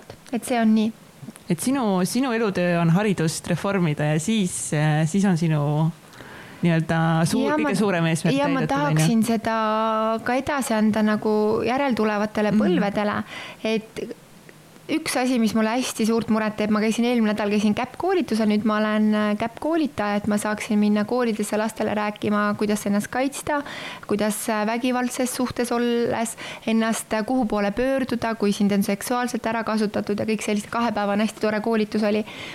Ja kuuskümmend protsenti Eesti seksuaalvägivalla juhtumitest toimuvad koduseinte vahel ja ära kasutatakse, on isad, vanaisad, kasuisad, eks ju, väga palju sellest kärgperedest tuleb noh, selline teistsugune muster sisse. ja nii paljud lapsed, keda on ära kasutatud, nad ei teagi seda, et tegelikult ei ole see normaalne, et oma isaga vahekorras ei olda.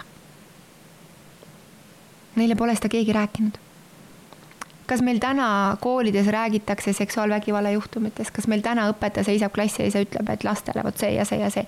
kindlasti on neid õpetajaid, aga see on nii suur häbi mm -hmm. ja tabuteema absoluutselt, aga kui me räägime õpetajatest koolist, aga kui suur roll on vanemal või kui palju peaks nagu tema lapsele ja mida edasi andma, kui täna nagu kool meile seda ei anna? et mina soovitan, ma olen nüüd kõigile soovitan lugeda, on üks äh, Raisa Kassatore raamat äh, tõelised tunded on uus raamat, teine on laste seksuaalkasvatusraamat, tõesti võtke see ja veel, mida ma soovitan, mis on väga toredate selliste oma erialalt väga kõrgetel kohtadel inimeste poolt kokku pandud, on Maailma Terviseorganisatsiooni poolt Euroopa seksuaalhariduse standardid. ja seal on alates nullist ehk sünnist alates, missugune peaks olema see holistiline seksuaalharidus mm. -hmm. seal on täpselt välja kirjutatud igas vanuseetapis, millest rääkida Mm -hmm. see on nii suureks abiks lastevanematele ja võib-olla, kes teab, äkki ühel hetkel jõuangi kohe teha selline loeng, kus tulevadki lapsevanemad, saavad küsimustele vastused, et kuidas ja mis teemadel rääkida. kasvõi seesama pornosõltuvus või eneserahuldamine või, või õnnetu armastus või noh, kõik, kõik need asjad. ja kõik need, mis meid päriselt elus nagu nii ja. palju mõjutavad. nagu suhe iseendaga ja siis, ja siis sealt tulenevalt teistega. et äh, müts maha sulle, Epker, siin selle, selle ees, mida sa teed. päriselt ma, mul on juba siin, ma tean, meil hakkab aeg juba ka otsa saama, nii palju oleks veel teemasid, mida, mida rääkida. aga mis teeb sind täna õnnelikuks? minu pere eranditult minu pere, mul on nii, mul on nii hea meel, et minu tütar on võtnud omaks minu uue elukaaslase Nad on väga suureks õpetajaks mõlemad mulle. ja mul on nii hea meel alati koju minna, mul on alati hommikul nii hea ärgata ja minu pere on minu kindlus. see teeb mulle head meelt, nad on alati minu kõrval mm. -hmm. ja mida sa ütleksid teistele inimestele, kellel on elus niisugused raskemad hetked või väljakutsed? iga takistus on tulnud meie ellu selleks, et need ületada et me teeksime sellest enda järeldused ja armastage iseennast, kehtestage enda piirid, ärge laske ennast üle sõita. kui rääkida sellisest keerulisest suhtest, kas mees on türann või naine on türann, siis need inimesed on teie kõige suuremad õpetajad. et nad tulevad teile konkreetselt andma mõista, sina oled kõige tähtsam, sina oled kõige-kõige parem, sina oled kõige olulisem ja kui me oskame hinnata iseennast, siis hindavad meid ka teised. absoluutselt nõus. meil on nüüd äh, siin alati iga äh, saate lõpus ka selline väike välkküsimuste voor, mis siis konkreetsed küsimused, mida me igalt inimeselt äh, alati küsime esimene küsimus on, et kas sul on mingeid kindlaid harjumusi või rutiine, mida sa teed igapäevaselt või iganädalaselt?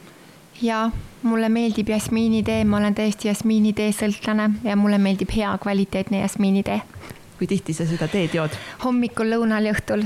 ma kohvi ja alkoholi ei tarbi üldse ja toitun hästi-hästi tervislikult. mida sa sööd vahest ma ei söö üldse, päriselt. mul ei ole toidul nagu mingit sellist, ütleme, et kui mul on äh, hästi kiire eluperiood, mul läheb täiesti meelest söömine ära mul on hoopis kuskil, kuskil muul on see energia ja mul ei lähe nagu süda pahaks või mul ei ole nagu halb olla. kui see on, äh, kui jah, see, see lihtsalt on niimoodi mm. -hmm. aga kui sa sööd, näiteks mida sa, mida sa hommikuks sööd või kas sa sööd üldse hommikuti? ikka söön, hommikusöök on kõige tähtsam söök, et hommikul ma söön kas riisiputru või ma teen oma soja, eks ju, mis on see nooruse tervenduse allikas, leotatud kaerahelbed ja mustad ploomid ja linaseemned ja riivitud õun ja messi, eks, ja Kreeka pähklid, see on super hea asi. ja praemuna, see on ka põhiline, üks vahe mul oli praemunast üledoos, siis ma hakkasingi seda oma sola uuesti tegema ja putru söön ja joon teed. võileibasid väga palju ei söö, lemmikvõileib, kui ma söön võileiba, on leib lõhega ja sidrunipipar mm.. see on mu nõrkus. see on tõesti hea. milles sa väga hea ei ole valetamises. ma ei oska valetada. ma hakkan alati ise naerma. ma, ma ei, ma kuidagi ei suuda, et valetamine mul väga hästi välja ei tule. ei, ma ei, ma jah, see on nagu see teema aga üldiselt ma arvan, ma ise arvan, et ma olen väga andekas. ma võin tantsida, ma võin süüa teha, ma võin meele tõesti nagu kõik äh, naudingud, see mulle meeldib väga suuseks, on ju. täna õpetasin naistele, kuidas seda väga hästi teha ja ma arvan, et ei ole asju, autot ma ei oska parandada jah, seda. see on see suurim viga. kus on kõige, aga vot autot ei oska parandada mis on kõige pöörasem asi, mis sa elus teinud oled ja kas sa teeksid seda uuesti? pöörasem, see on nii suhteline. sa ütled ja kogu aeg, et sa oled pöörane naine ma ei tea, ma ei tea, mis on pöörasus, minu arust on kõik normaalsus. jah? jah et äh, ma, ma ei tea, mis on kõige pöörasem asi. ilmselt ma, ma ei tea, ma ei tea. ma ei oska vastata, pöörane, mis on pöörasus? eks see on igaühe jaoks, kelle jaoks on see kuskil, ma ei tea, langevarjuga alla hüppamine, kelle jaoks on see? langevarjuga, vot langevarjuga ma alla ei hüppaks. sellepärast, et ma kardan. ma tahaksin kaua elada, ma tahaksin elada hästi vanaks, aga olla kaua noor. Vana, aga kaua hingelt noor ja hoida enda tõesti luud ja kondid terved, sest minu käed on minu kõige tähtsam osa ma olen mõelnud, ma pean oma käed ära kindlustama. ja täpselt, mul tekib küsimus, miks seda siiamaani teinud ei ole. ma küsin siia vahele, aga kas on veel mingeid asju, mida sa, mida sa kardad? Pimedust kardan, ma kardan tõesti pimedust, see on mul lapsepõlvetrauma, et mul vanem õde ja vend panid mind suurde tuppa kinni ja nad ei lasknud mind välja. ja ma sain seal ilmselt sellise šoki, et naabrinaine tuli ja pidi mulle suhkruvett tegema, siiamaani ma kardan pimedust, päriselt nagu mis on äh, elu mõte? armastada ja olla armastatud. skaalal ühest kümneni, kui veider sa oled? kümme ilmselgelt. Ei saanud siit nagu allapoole midagi, midagi tulla, kui tegemist on, on Epp Kärsiniga. aga kus eh, meie kuulajad saavad sinu tegemistel silma peal hoida? kõige lihtsam on guugeldada Epp Kärsin, see tuleb kohe välja. Või teiseks vaadata kodulehekülge amareluuna.com, siis on ka olemas Facebooki grupp Amare Luuna kus on ähm, üle seitsme tuhande liikme, inimesed seal jagavad, kes tahab praktikat teha, kes tahab kohta vahetada, kes üht-teist-kolmandat. ja mis on mul veel plaanis, ma tahaksin teha Maare Luuna Tindre, Tinder konto, mis tähendab see, et kõik no, inimesed, kes on käinud minu koolitusel, nad saavad sinna laadida üles enda konto, aga see on juba osavate näppudega mehe ja naiste siis äpp et sinna ei saa need, kes pole minu koolitusel käinud, sest on ju nii palju vallalisi ja vallatuid, kes on käinud koolitustel ja otsivad enda partnerit, et äh, need mehed ja naised, kes on kogenud ja mhm. tundnud ja saanud teadlikumaks, nad ei taha endale mõttetuid sipsijaid ja tahaks veel hakata korraldama Maare Luuna vallaliste õhtuid nagu päriselt. kunagi ma olin DJ, ma mäletan, nii kui mina pulti läksin, kõik inimesed hakkasid tantsima. DJ nagu, ei täiesti tavaline. Tepa klubis ma tegin pidusid, ma olin, äh, käisin üheteistkümnendas klassis ja mul oli nii tore, mul oli selle Lex Peika isa oli politseinik ja siis tema mingid sõbrad olid meil seal ukse peal EPA klubis Tartus, piletid olid kõik, Tartu noored käisid, ma mäletan, raha oli pakkide sees niimoodi, et hästi äge Vau, okei, aga ma arvan, et see on äh, piisavalt äh, hea noot, millega lõpetada, nii et äh, pange ennast siis kirja EPPU koolitustele, ma saan aru, et need on juba mitu kuud ette broneeritud. kas sul saab ka nii-öelda siis juba, mis kuudesse juba inimesed saaksid broneerida? praegu vist on juunikuu, aga mul on, ma olen jätnud ka ettevõtetele ja tütarlasteõhtule ja sünnipäevadele selliseid nagu eritellimusega koolitusi, nad on küll kallimad, aga neid on ka võimalik saada noh, mitte küll palju, aga, aga mõned variandid ikka on olemas. enne tahtsin veel ühe küsimuse küsida, et kui kas eh, sinu koolitustele tulevad nagu nii inimesed, kes on suhtes ja ka vallalised, et kumbad nagu, nagu rohkem käivad?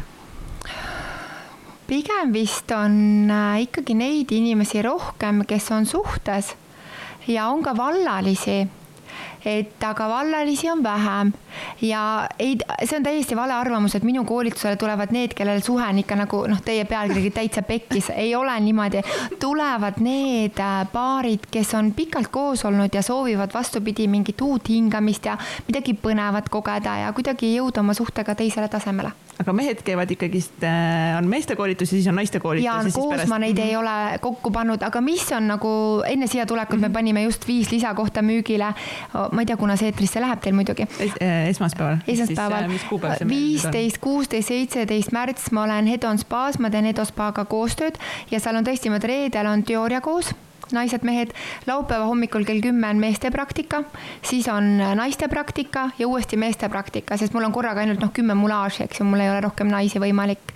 Äh, noh, mul ei mahu sinna stuudiosse lihtsalt, nad on üsna suured naised ja siis on lihtsalt hea see, et lapsi pole läheduses ja kohe saab jääda õhtul hotellituppa ja teha praktikat ja tavaliselt need paarid, kes lähevad, kõnnivad kolmkümmend, nelikümmend sentimeetrit maast kõrgemal nagu liblikad kerged küütlevas tuules, õnnelikud ja rahuldatud aitäh, Epp, et sa täna tulid siia minuga vestlema, mul oli väga tore sinuga aitäh, Katrin, et sa julgesid mind kutsuda ja nagu ma ütlesin Katrinile, et Katrin, et ma ei taha seksist rääkida, et ma kogu aeg ainult räägin seksist. ma arvan, et see podcast sai väga teistsugune, sest sa küsisid minu käest neid küsimusi, mida väga ei ole küsitud. aitäh sulle. aitäh, Epp.